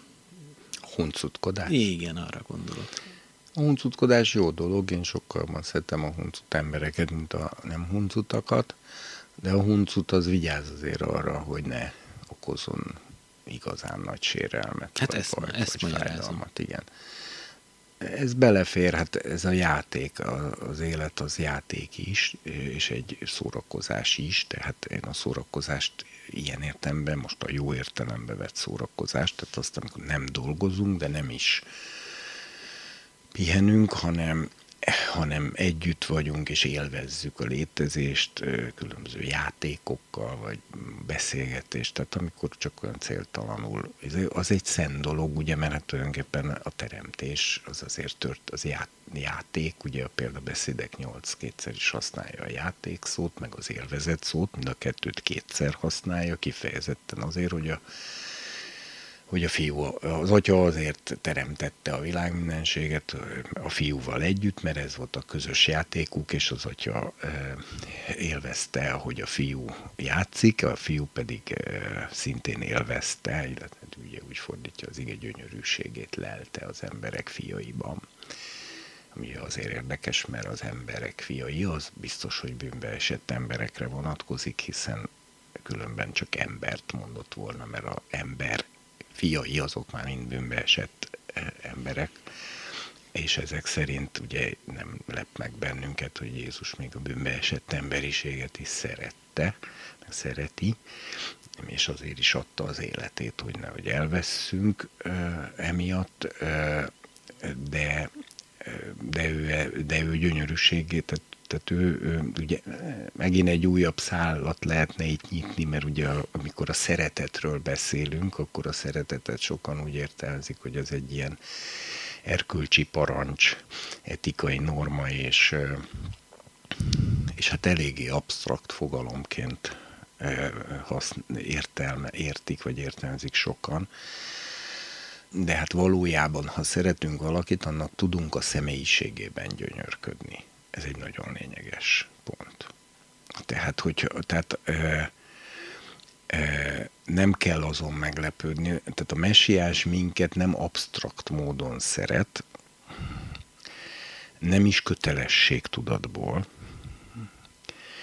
nem egy etikai törvénynek a követéseként, és nem egy olyan abstrakcióként, ahogy mi hogy minden embert szeretek, meg, tehát ez nem egy abstrakt, a szeretet nem egy abstrakció, e, amikor konkrétan és ténylegesen szeretünk valakit, akkor annak a személyisége gyönyörűséget okoz nekünk, tehát él, élvezzük a személyét, szeretünk vele együtt lenni, szeretünk vele beszélgetni, és nincs olyan, hogy egy apa szereti a gyerekeit, de nem gyönyörködik a személyiségükben. És ez, ezen nem változtat az, ha a gyerek időnként rosszat tesz. Sőt, gyönyörködünk más emberek, barátaink, feleségünk, férjünk, mit tudom én, mindenféle körülöttünk lévő embereknek, akiket megszeretünk, gyönyörködni tudunk a személyiségében, miközben világosan látjuk esetleg egy idő után a hibáit is, sőt, az esetleg bánthat is minket, és ennek ellenére mégis azt mondjuk, hogy a világ mérhetetlenül szegényebb lenne nélkül az ember nélkül. Most ezt, az, ez azért nagyon fontos, mert rengeteg keresztény például azért van kárhoztatás alatt, mert a Krisztus szeretetét ilyen absztrakt szeretetként fogja föl, és nem érti, hogy a Krisztusnak ő, ő, személyesen ő, szimpatikus, tetszik neki, gyönyörködik benne. Ezért, miért kell naponta ennyi és ennyi órát imádkozni? Mert ö, kell töltenem időt együtt az Úrral? Miért kell töltenem együtt időt az Úrral? Mindenféle válaszokat szoktak erre adni, de azt a legritkább esetben, hogy hát azért, mert az Úr szeretne velem lenni. Pedig, pedig ez az alapvető, tehát ez, a, ez a legalapvetőbb az egészben, és ebből következnek egyéb dolgok. Tehát jó, tehát igen, csak most meg persze elfejtettem, hogy honnan keveredtünk ide. A... Hát még a huncutkodás és a nyílt lázadás, ja, igen, de ez azért lényeges, hogy... Te félre szokás szerint. Igen, de te sokkal jobb választottál, ez érdekesebb, amit te válaszoltál, mint amit én kérdeztem. Na, ezen gondolkoztam most. Szóval ezt csak azért mondom, mert a, a huncut gyerekekbe is tudsz gyönyörködni, sőt sok esetben a huncut gyerekekbe jobban gyönyörködsz, mint a kevésbé huncutakban, nem így van? De, de, de, persze. Miért? A játékosság miatt.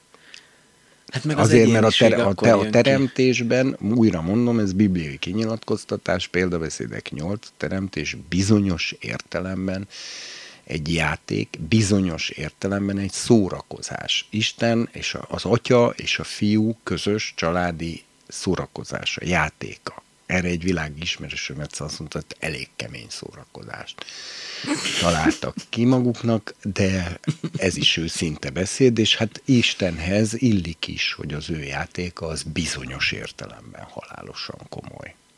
Mert itt a létezőnek a játékáról van szó tulajdonképpen. És ráadásul, mint, mint mondtuk, társas játék.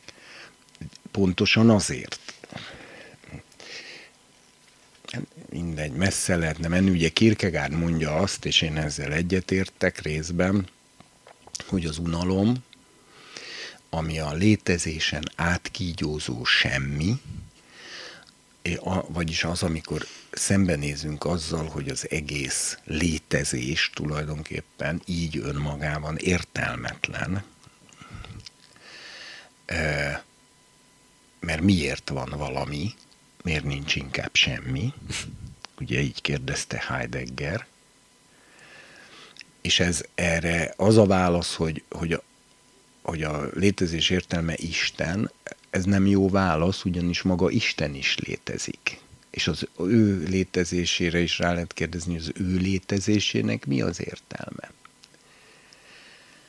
Na és ha erre így rákérdeznél, akkor valószínűleg az Isten részéről az egyetlen válasz az lenne, hogy mert jó. Mert jó.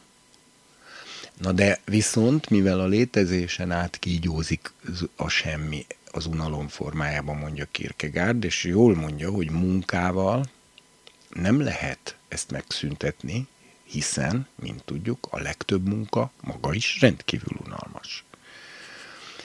És ezért mondja Kierkegaard, hogy a szórakozás nem szabad alábecsülni. A szórakozás, most jó értelem, nem feltétlen bűnt jelent ez a szó, hanem, hanem a kikapcsolódásnak az, az, az értelmetlen együttlét, amikor csak úgy együtt vagyunk, és hülyeskedünk, és játszunk valamit, és, és dumálunk, viccelődünk, és huncutkodunk, és vagy focizunk, amiben szintén cselek vannak, ami ugye hazugságnak minősül, és így tovább.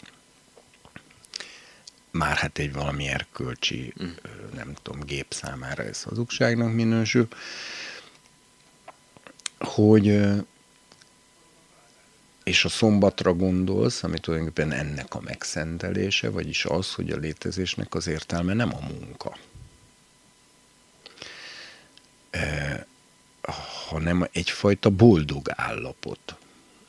És nem véletlen, hogy az ember úgy van teremtve, és hogy az ezer éves királyságról is azt hogy és azokban a napokban hívja majd az ember az ő felebarátját, az ő szőlőtőkéje, meg az ő fügefája alá. Tehát láthatólag úgymond a kerti partik világa lesz az ezer éves királyság, és ezt megint teljesen a bűn nélküli értelmében használom ezt a szót, de nincs csodálatosabb ilyen szempontból, mint az embereknek egy ilyen fajta játékos együttléte, mert akárhogy is nézzük, ezt most legnagyobb filozófiai komolysággal mondom, ez a létezés értelme.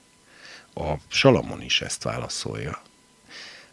Nem marad más, mint az, hogy éld életedet a te feleségeddel, akit szeretsz, egyed a te kenyeredet vigassággal, éld a te borodat vigassággal, ruháid mindig legyenek tiszták, olaj a fejedről el ne fogyatkozzon, ami az örömöt jelenti, mert ez a te részed e, e, ezen a világon, az egész hiába való életedben. És a legjobb ezzel megbarátkozni, hogy ez, mi lesz az ezer éves királyságban, ha nem ez? És mi lesz az örökkévaló? Mit csinálnak a munkamániások az örökkévalóságban, ahol a munkának ilyen ér- módon többé nincsen értelme?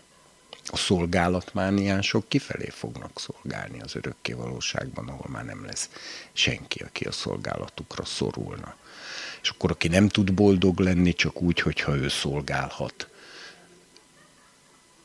akkor hogy lesz ott boldog?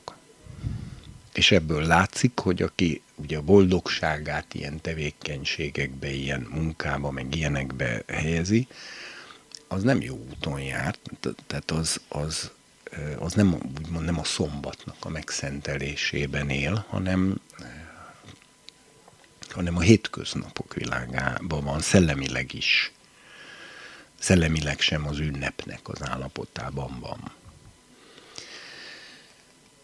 Na de egy szó mint száz, hogyha ugye mindezen e, jó kellen föllázad a fogmagók, akkor tényleg nem le, ezt nem lehet megérteni. Ez tiszta destrukció. Tehát semmi. És visszatérve még erre a belső intuíciódra, intuíció kérdésére, hogy ez a mély intuíció, ez azért mindig jelzi, ha az ember rossz úton jár, csak az a baj, hogy a gondolatainkban, az értelmünkben, akaratunkban, érzelmeinkben, ott ural el bennünket sok esetben az, ami miatt tudatlanságban és tévedésbe kerülünk, így a bűnünkre ugyan van enyhítő körülmény és mentség, de azért, ha mi nem emberek lennénk, hanem Isten, akkor nem így működne a dolog, mert ha Isten elvárná tőlünk, hogy olyanok legyünk, mint ő, akkor azt mondaná, hogy aki nem figyel erre a legmélyebb belső kis érzésére, és nem ezt követi, az halljon meg. Akkor körülbelül ezt kellene Istennek mondania. Az egy engedmény, ami esendő természetünk és emberi korlátozottságaink miatt, hogy megengedhetjük magunknak, hogy néha nem erre figyelünk, mert, mert annyira eluralja az agyunkat, meg a lelkünket, sok minden más, de azért attól az még bűn, csak van egy irgalmas figyelembevétele, mértányos figyelembevétele annak, hogy nem voltunk teljesen tudatába a dolognak. Hát igen, kicsit drasztikus kép, de nagyon kifejező. A, van, van, a, van a Star Warsban az, amikor a, azon a jéghideg bolygón vannak, és ott ragad a hóviharban talán a Han Solo, vagy nem tudom melyik, és akkor ott talál egy ilyen, egy ilyen nagy szörnyet, és azt így megöli, és, és utána azt így cipeli, húzza maga után a hóviharban, és nem tudom, és amikor leszáll az, leszáll az é, és még hidegebb van, akkor ugye abban alszik, mert hogy az ad valamennyi meleget. Tehát, hogy körülbelül nekem kicsit ilyen az életélményem, és akkor a, én vagyok a hánszoló, az mondjuk a szellemem, vagy nem tudom, ami így kristályt így látja, és így hasítana, és van a lélek, amit így cipelni kell, meg a test, meg nem tudom, és akkor így valahogy így, így, így kellene meghalani a, a hóvihar közepén azt a, ezt a nagyon halk, pici hangot, ami onnan messziről egy ilyen kivilágított kunyhóból kiszűrődő zene. Nem, mert ez legbelülről jön, nem. Hát jó, most ért, értem, de ez egy kép, tehát. Igen, hát ez megfogalmazza az egyik Zsoltár, hogy nem bűneink szerint cselekszik velünk, nem az álnokságaink szerint, hanem mint az apa a fiakkal, mert tudja, hogy a porhoz tapad a lelkünk. Tehát ez a porhoz tapadás miatt. Na de lépjünk szerintem tovább, nem? Ö, igen, és láttam egy nagy fehér trónt, a rajta ülő tekintete előtt eltűnt a föld és az ég, és helyük sem található. Láttam a halottakat, kis és nagy embereket, amint Isten előtt álltak. Ekkor könyvtekercseket nyitottak ki, majd kinyitottak egy másik könyvtekercset is, az életkönyvét. Az ítélet született, és ítélet született a halottak fölött a könyvtekercsekben leírtakból, cselekedeteik alapján. A tenger is kiadta azokat a halottakat, akik benne voltak. A halál és a pokol is odaadták a náluk levő halottakat, és mindegyikükről saját cselekedetei alapján született ítélet. A halál és a pokol pedig a tűz tavába vettetett. Ez a második halál. Akit nem találtak fölírva az életkönyvében, az a tűz tavába vettetett. Talán erről is hát, néhány szót érdemes volna ejteni. Hát itt megint óriási témák vetődnek föl, mert hát ugye ez az, amit úgy hívunk, hogy utolsó ítélet.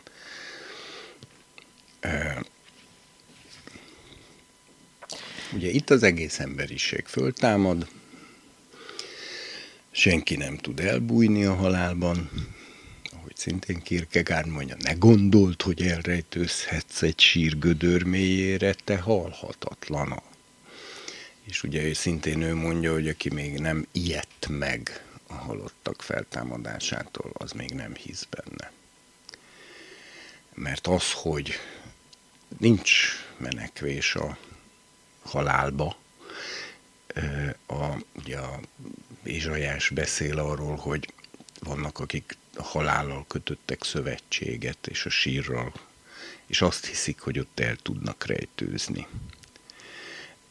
De aztán az fog történni, hogy elveszi az óra takarót, a halált, ami befette a népeket, elveszi a fátylat. Tulajdonképpen kiderül, hogy mindenki él. Mindenki megvan, igen. Aki egyszer már létezett, valaha is, az már nem tehet úgy, mintha nem létezett volna. Az örökké valóságban kitörölhetetlenül ott van, és az is kitörölhetetlenül ott van, amit tett, mondott, és az egész. És amikor ugye a föltámadás egyben ítéletet is jelent, mert akkor mindenki megáll Isten előtt, tehát magyarul nem lehet a halálban elrejtőzni ezelől, eltűnik a halál, és kiderül, hogy mindenki megvan. Mindenki él, és, és hát mindenki úgy van meg, és úgy él, amilyenné magát, hogy mondjam, tette a, a földi élete során. Ugye itt nagyon érdekes, hogy a tenger is kiadja a halottakat, ezt külön mondja, mert ugye akik tengerbe vesztek, azoknak egyáltalán nincs temetőhelyük, azt halak ették meg, a halak aztán széthorták, aztán megemésztették, aztán mit tudom én. Tehát a... És ők lehet, hogy nem a pokolban vannak, meg a halálban, mert itt ugye külön kategória. Most tudom, hogy ez nem egy ilyen szöveg, de hát azért... hát itt a tárolóhelyek nyílnak ki, hogy úgy mondjam, és a, és a, a ugye itt világosan kiderül, hogy a, akikről itt szó van, a halál és a pokol, ugye Thanatos és Hádész. Hádész, ez ugye pláne görög közegben olvasóknak aztán teljesen világos, hogy ezek lények, személyek. Nem a hely vettetik a gyehennába, Persze meg nem a halál, mint állapot vettetik a gyehennába, hanem itt két személy vettetik a gyehennába. A gyehennáról meg van írva, hogy az az ördögnek és az ő angyalainak készítetett. Maga a sátán is oda vettetik be. Oda vettetik be a, az antikrisztus és a hamis proféta is, és oda vettetik most a halál és a pokol is. Tehát eddig egyértelmű, hogy a, a sátánnak és az angyalainak készült az örök tűznek a tava. Isten tökéletes akarata szerint oda embernek nem is szabadna kerülnie. És itt meg is kell jegyeznünk, hogy tulajdonképpen nem is kerül oda ember, mert aki oda kerül, az már nem ember. Tehát csak az kerül oda, aki már nem ember. Tehát aki a gonoszságban eljutott odáig, hogy az Isten szemében ő már nem ember, nem is egy bűnös ember, hanem hát a gonoszok. Tehát aki, most ma volt egy élményem, egy lányjal beszélgettem, akit megerőszakoltak, hát elég megrendítő élmény volt, de a legmegrendítőbb az, hogy azt mondta, hogy ő, ő eddig nem gondolta volna, hogy, hogy, hogy, hogy ilyen ember létezik. Hogyha ő azt mondja, hogy nem, akkor, akkor megtámadják, megverik, és megerőszakolják, miután előtte fél hortra verik. És azt mondja, hogy, hogy ő, ő most jött rá arra, hogy nem minden ember jó. Hát erre mondom neki, hogy hogy nem tudok örülni nyilvánvalóan ennek, és izé, de, de a helyzet az, hogy hát ez az, amit a Biblia mond, hogy nem minden ember jó. Vannak gonosz emberek. A jó emberek nagyon sokszor egyszerűen azt hiszik, hogy minden ember jó. E, és, ezért, és ezért elvesztik a védekező képességüket, vagy hogy mondjam, a, a, a, a, az óvatosságukat,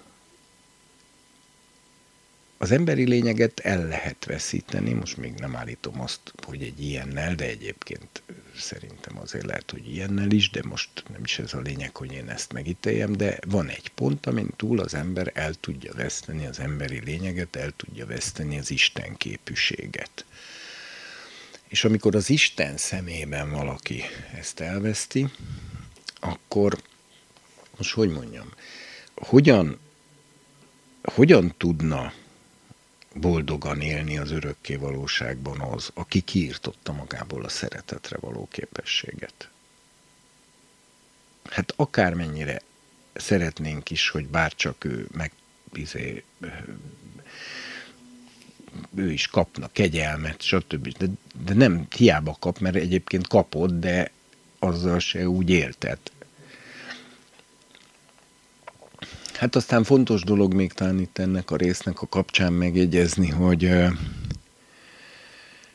hogy itt ugye összeszokták csúsztatni azt is, hogy azt mondja, hogy könyvek nyittatnak meg, amelyekbe be vannak írva ezeknek mind, az, minden ezeknek a most föltámadó embereknek az összes cselekedetei, és megítéltetnek a cselekedeteik alapján. Utána egy másik könyv nyílik ki, és ez nagyon lényeges, az életkönyve, és miután a halottak megítéltettek a cselekedeteik alapján, utána azok kerülnek a gyehennába, akik az élet könyvében nem szerepelnek, amely a bárányé a világ alapításától fogva mondja máshol a jelenések. Ez pedig azért nagyon lényeges, mert hogyha ezt a kettőt nem különböztetjük meg, akkor ugye az a látszat keletkezik, hogyha a cselekedeteik alapján ítélik meg mindegyiket a többi könyvekből, akkor mindenkinek el kell kárhoznia, aki a második feltámadásban részt vesz, hiszen ezek, ez az emberiségnek az a része, amelyik nem jutott hitre Jézusban, mint messiásban, valamilyen oknál fogva, közt, közte persze tömegek nyilván abból az, annál azoknál fogva, hogy soha nem is hallottak, vagy nem is éltek még akkor. Meg olyan is ugye tömegek, milliárdok, akik nem a Bibliáról se hallottak soha, nem csak az evangéliumról, hanem a törvényről sem, ez semmi. Az hát egész, meg az mondjuk egész. csak a főinkvizitor közvetítette feléjük Krisztus szeretetét. Az egy még bonyolultabb és még szörnyűbb eset, Egy szó mint száz, nagyon érdekes, hogy nem ennek alapján kerülnek a gyehennába, mert akkor mindenki oda kerülne, hiszen egyetlen egy önmaga által igaz ember sem élt soha a történelemben Jézus Krisztuson kívül.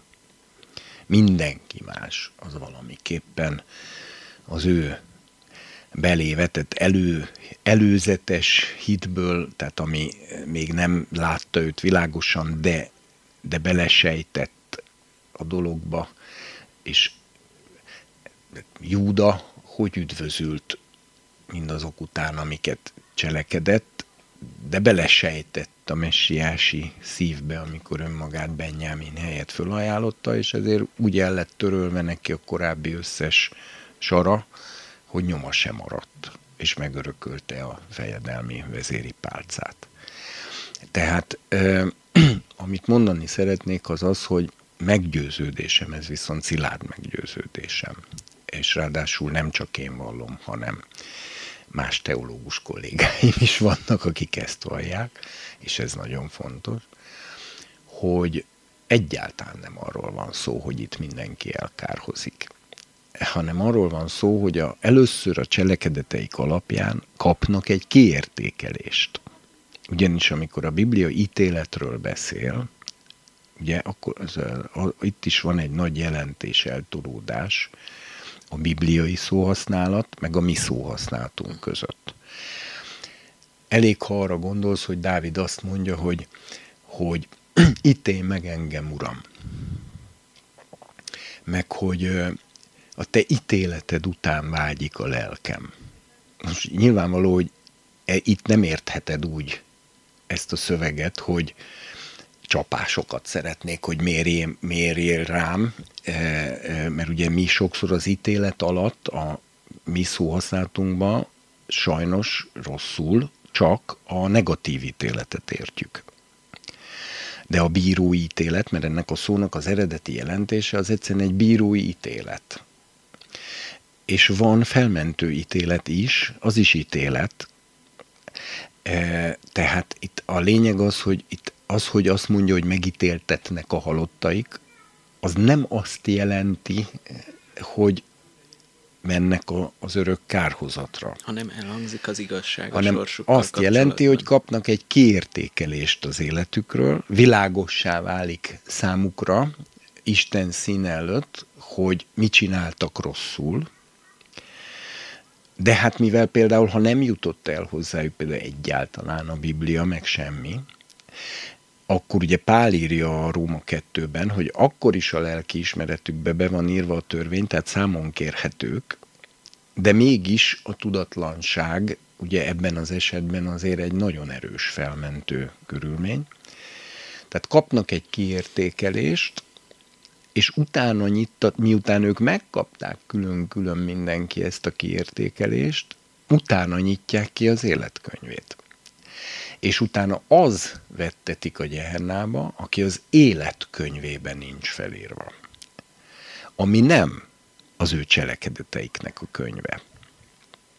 És nem abból következik, mert hiszen a cselekedeteik az mindegyiknek tökéletlen. Na most ugye nagyon érdekes, hogy akkor mi lehet ez az életkönyve, és én erről még egy dolgot szeretnék talán mondani, hogy Istennek az, hogy kegyelmes, irgalmas, az neki attribútuma. Ö, ez, bocsánat, azt jelenti, hogy lényegi tulajdonsága. Tehát nem választható le Istenről. Ha Isten egy pillanatra is megszűnne kegyelmes lenni, ő nem lenne Isten, nem, ő, nem lenne többé önmaga. Nem tudom, tehát az attribútum ugye olyan lényegi tulajdonságot jelent, amit ha elvonsz, akkor az a dolog többé nem az, ami. Tehát, tehát ha ledarálok egy autót, és egy halom vasreszelék formájában hiánytalanul átadom a tulajdonosának, hogy nem hiányzik semmi az autóján, minden molekulárt megőriztem, mégis azt fogja mondani, hogy ez már nem autó, mert elvontam olyan tulajdonságokat, amelyek miatt már autóként egyáltalán nem használható és fogható föl. Na ugyanilyen módon Istennek vannak attribútumai, amik tőle nem elvonhatók. Ezek neki örök sajátosságai. Soha nem fordulhat elő, hogy Isten igazságtalan legyen. Ha Isten igazságtalan lenne egy pillanatra is, nem lenne többé Isten. Érdekes, hogyha ennek az ellentét párját mondom ki, és azt mondom, hogy ha Isten akár csak egy pillanatra is elvesztené a kegyelem képességét, vagy, a, vagy azt nem lenne többet Isten.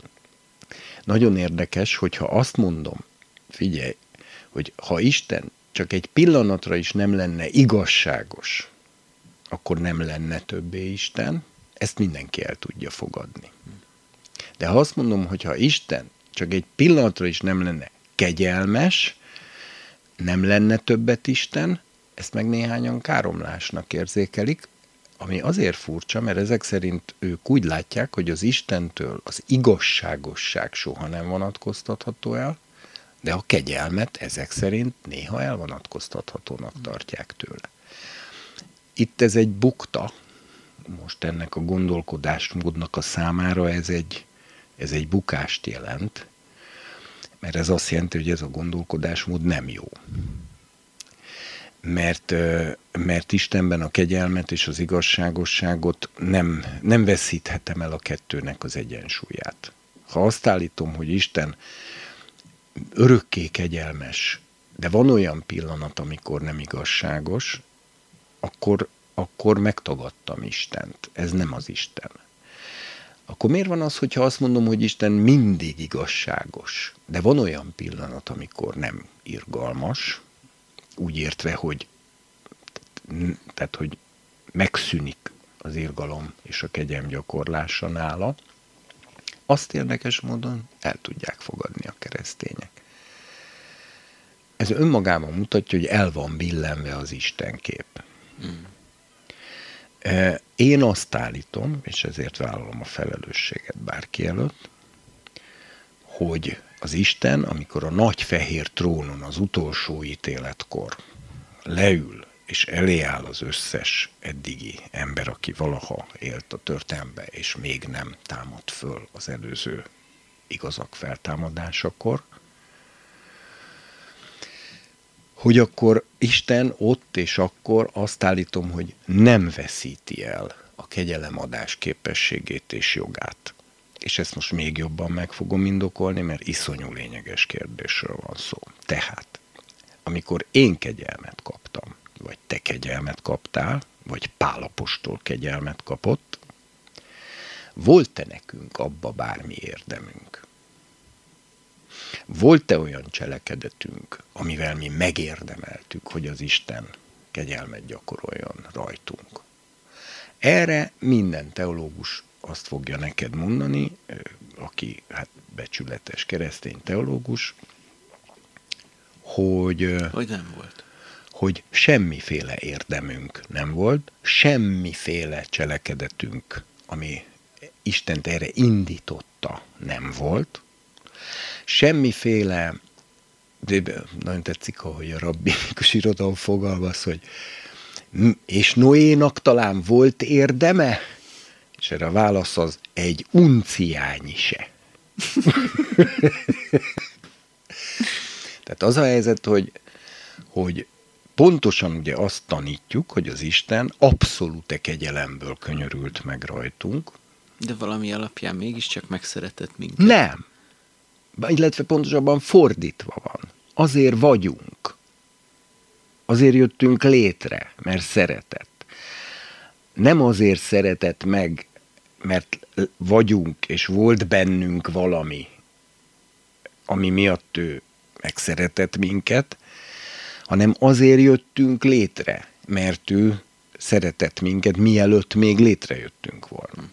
És ugyan a megváltásban ugyanez ismétlődik, semmi jót nem tettünk, semmi érdemünk nem volt, nem voltunk jók. Tehát én, amikor nekem valaki olyat mond megtérése után, meg keresztényként, hogy ő mindig is jó szándékú volt, meg hogy ő, ő nem volt olyan, mint némelyek. Biztos voltak ilyenek akkor, is, nem? Én biztos de aki magáról ilyet de... mer mondani, Érte. az már öncsalásban él. Uh-huh. Ez nem igaz. Mindenki bűnös. Senkinek semmi igazsága önmagától Isten színe előtt nincsen. Nem volt, nem lesz. Nincs ilyen ember. Jézus az egyetlen, de ő neki az Isten volt az apja.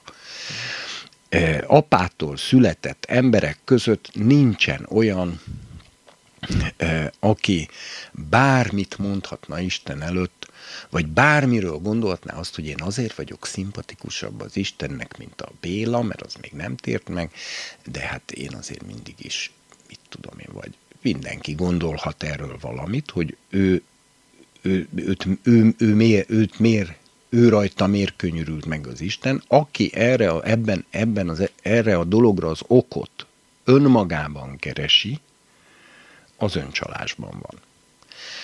És kérdezze meg magától, hogy, azt, hogy mi az, amit gondol, hogy őt azért szerette meg Isten, úgymond jobban másoknál, és amit erre a kérdésre válaszolni fog, hogy mondjuk jó szándékú voltam, én mindig jót akartam, én mindig kerestem az Istent, én mindig az, az, e, e, én e, ilyen voltam, olyan voltam, meg, meg tehetséges voltam, meg, meg okos volt, bármi, amit igen, mond, igen. az az öncsalásának a lényege.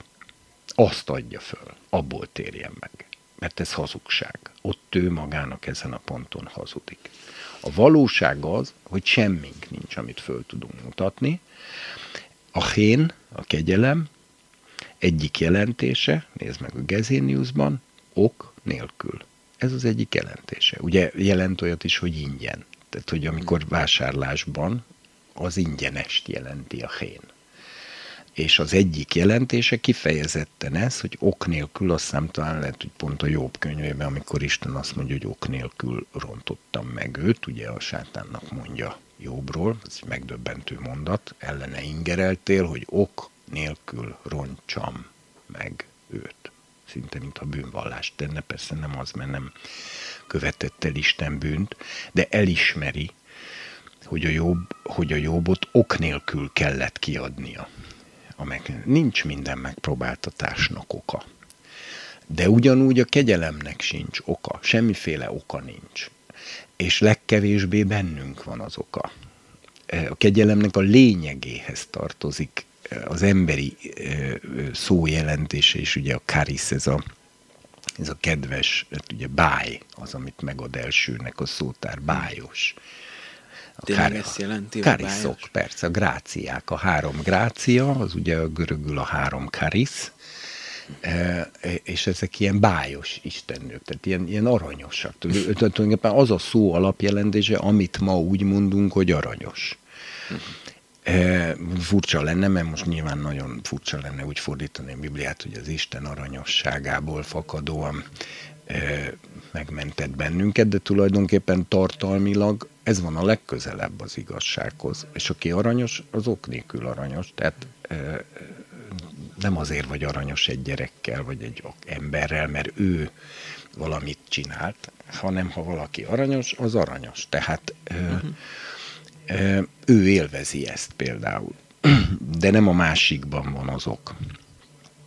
Na most ez azért lényeges pedig, mert ha mi rajtunk Isten úgy könyörült, hogy semmi jót nem tudtunk fölmutatni, és valaki régen egyszer valahol Pápua új Gineába meghalt úgy, hogy életében nem hallott a Bibliáról, és tudatlanságban és mindenben végélte az életét és meghalt, ugyanolyan bűnös ember volt, mint én meg te.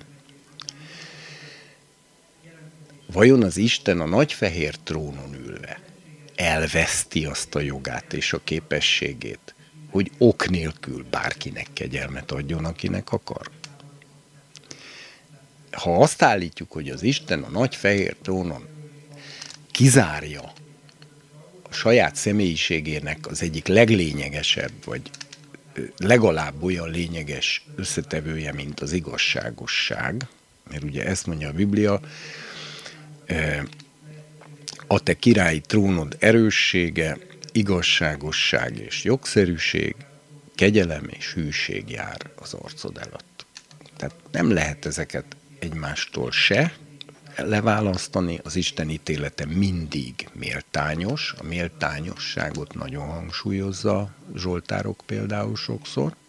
Méltányosság ugye azt jelenti, hogy nem csak igazságos vagyok, hanem úgy veszem figyelembe a körülményeket, hogy azokban enyhítő tényezőket ö, ö, tárhatok föl. Ez a méltányosság. Ez a méltányosság miatt veszi figyelembe Isten például a tudatlanságot, amit mindig figyelembe vesz, és ezt Jézus is aláírja, hogy, hogy aki tudta az Ura akaratát, és úgy cselekedett rosszat, az sokkal büntettetik, aki nem tudta, és úgy cselekedett, az kevéssel büntettetik. Ugyanaz a túrai alapelv. Hogyan gondolhatjuk azt, hogy Isten a nagyfehér trónról, ahol e koncepció szerint, tehát nem a sajátom, hanem amivel vitatkozom, a hát szerintem kálvinista eredetű, meg valószínűleg már katolikus eredetű, tehát ez egy egyház, egyházi tradíció, hogy az Isten az utolsó ítéletkor mindenkit elküld a kárhozatba, az egész gyakorlatilag em, egész emberiséget 90 vagy, vagy vagy 99 százalékát, mert azok nem jutottak hitre Jézus Krisztusban, de közben nem venné figyelembe, hogy nem is volt módjuk hitre jutni egy, kettő pedig ö, én vagy te, ha ott lennénk, az igaz egyház, és ott is leszünk reményeink szerint ezen az ítélethozatalon, hát én jelentkeznék, hogy bocsánat uram, de te nekem azt parancsoltad, hogy én mindenkit szeressek ugyanúgy, mint önmagamat. Ez egy örök parancs.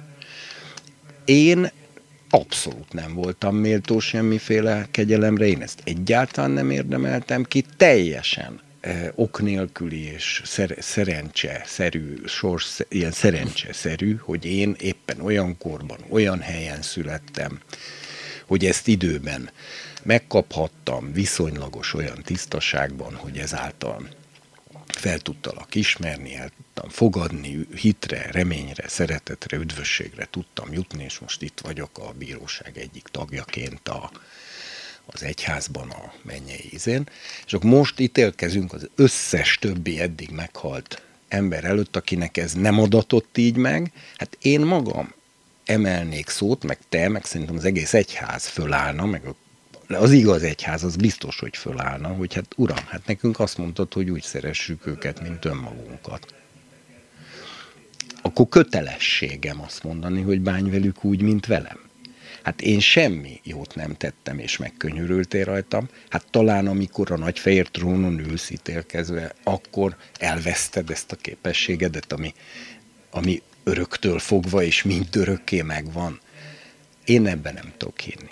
Tehát én nem tudom elhinni azt, hogy Isten ott az egész emberiséget elküldi a gyehennába. Hanem azt tudom elhinni, hogy a Krisztus ítélő széke előtt ugye maga Pál mondja, hogy a munkája megítéltetik az embernek, de ő maga megmenekül, de úgy, mintha tűzön keresztül. Mi is, mint keresztények, kerülünk értékelő ítélet alá a Krisztus trónszéke előtt de tudjuk, hogy nem kárhoztató ítélet lesz, de a, de a cselekedeteinket objektíven kiértékeli az Úr. Ott világos lesz, hogy mit csináltam rosszul, mit csináltam jól, de kegyelemből tartotok meg, és csak is kegyelemből tartotok meg ott is, akkor is. Miért vonná ezt meg Isten itt ember milliárdoktól? Hát nekünk lenne kötelességünk fölállni, és azt mondani, hogy ez nem igazságos. Én abba hiszek, hogy nem kell fölállnunk, mert az Isten eleve nem is így áll hozzá, de egyébként, ha föl kell állnunk, akkor föl fogunk állni, mert nem véletlenül vannak a mennyben már most is Isten körül ilyen 24 fős szanhedrinek, meg ilyenek, meg angyalok, hogy szót emeljenek, és látszik az egész Bibliából, hogy Isten figyel arra, ha szót emelnek a, az övéi. Szóval, hogy, hogy az a lényeg ebben, hogy kerülnek itt természetesen emberek általunk ismeretlen számban a gyehennába, de nem azok, de nem mindenki. És nem azon az alapon, hogy a cselekedeteik alapján hogyan ítéltetnek, hanem, hanem azon az alapon, hogy az életkönyvébe ki van fölírva. És ezért én valahol azt gondolom, hogy ez a bizonyos életkönyve, ebben valahol, valahogyan az van, hogy az Isten, hogy mondjam, hogy Hát szóval ezt, ezt azt hiszem, hogy illetve nem is tudom így megmondani, de, vala, de a, csak valami, hogy az életkönyve, meg ez az ok nélküli kegyelemadás, ez szorosan összefügg. Tehát, valahogy az életkönyvében valahogy az van, akik ok nélkül kegyelmet kapnak, és ezáltal élnek, az életre jutnak. Hát már csak a nevéből adódóan is életkönyve. Az élet az, az más, mint, mint, mint, mint a, a, amiről ja, ezek az emberek lenne, beszélnek. hogyha kinyit, kinyitatna az életkönyve, majd öt embernek azt mondaná Isten, hogy na jó van, te még mehetsz a jó oldalra, ja, nem de, most, ez a 30, de ez a 30 milliárd, aki, ez, ez sajnos ez tehát én ne, ebben nem tudok. Hát hihetetlen, hogy mennyi ember lesz. Ezt talán pont a Korn is mondta, hogy valami 100 milliárdra becsülik az összes. Tehát, hogy, hogy, hogy, hogy ez is egy nagyon fontos szempont. Az is egy nagyon fontos szempont, hogy kikerül Tanatoshoz, kikerül Hádészhez, mi alapján nagyon keveset tudunk ezekről. Ö, nagyon köszönjük, Tibor, ezeket a fontos gondolatokat, és ö, akkor hamarosan jövünk a befejező epizóddal, visszatérünk. Szerbusztok! Szervusztok!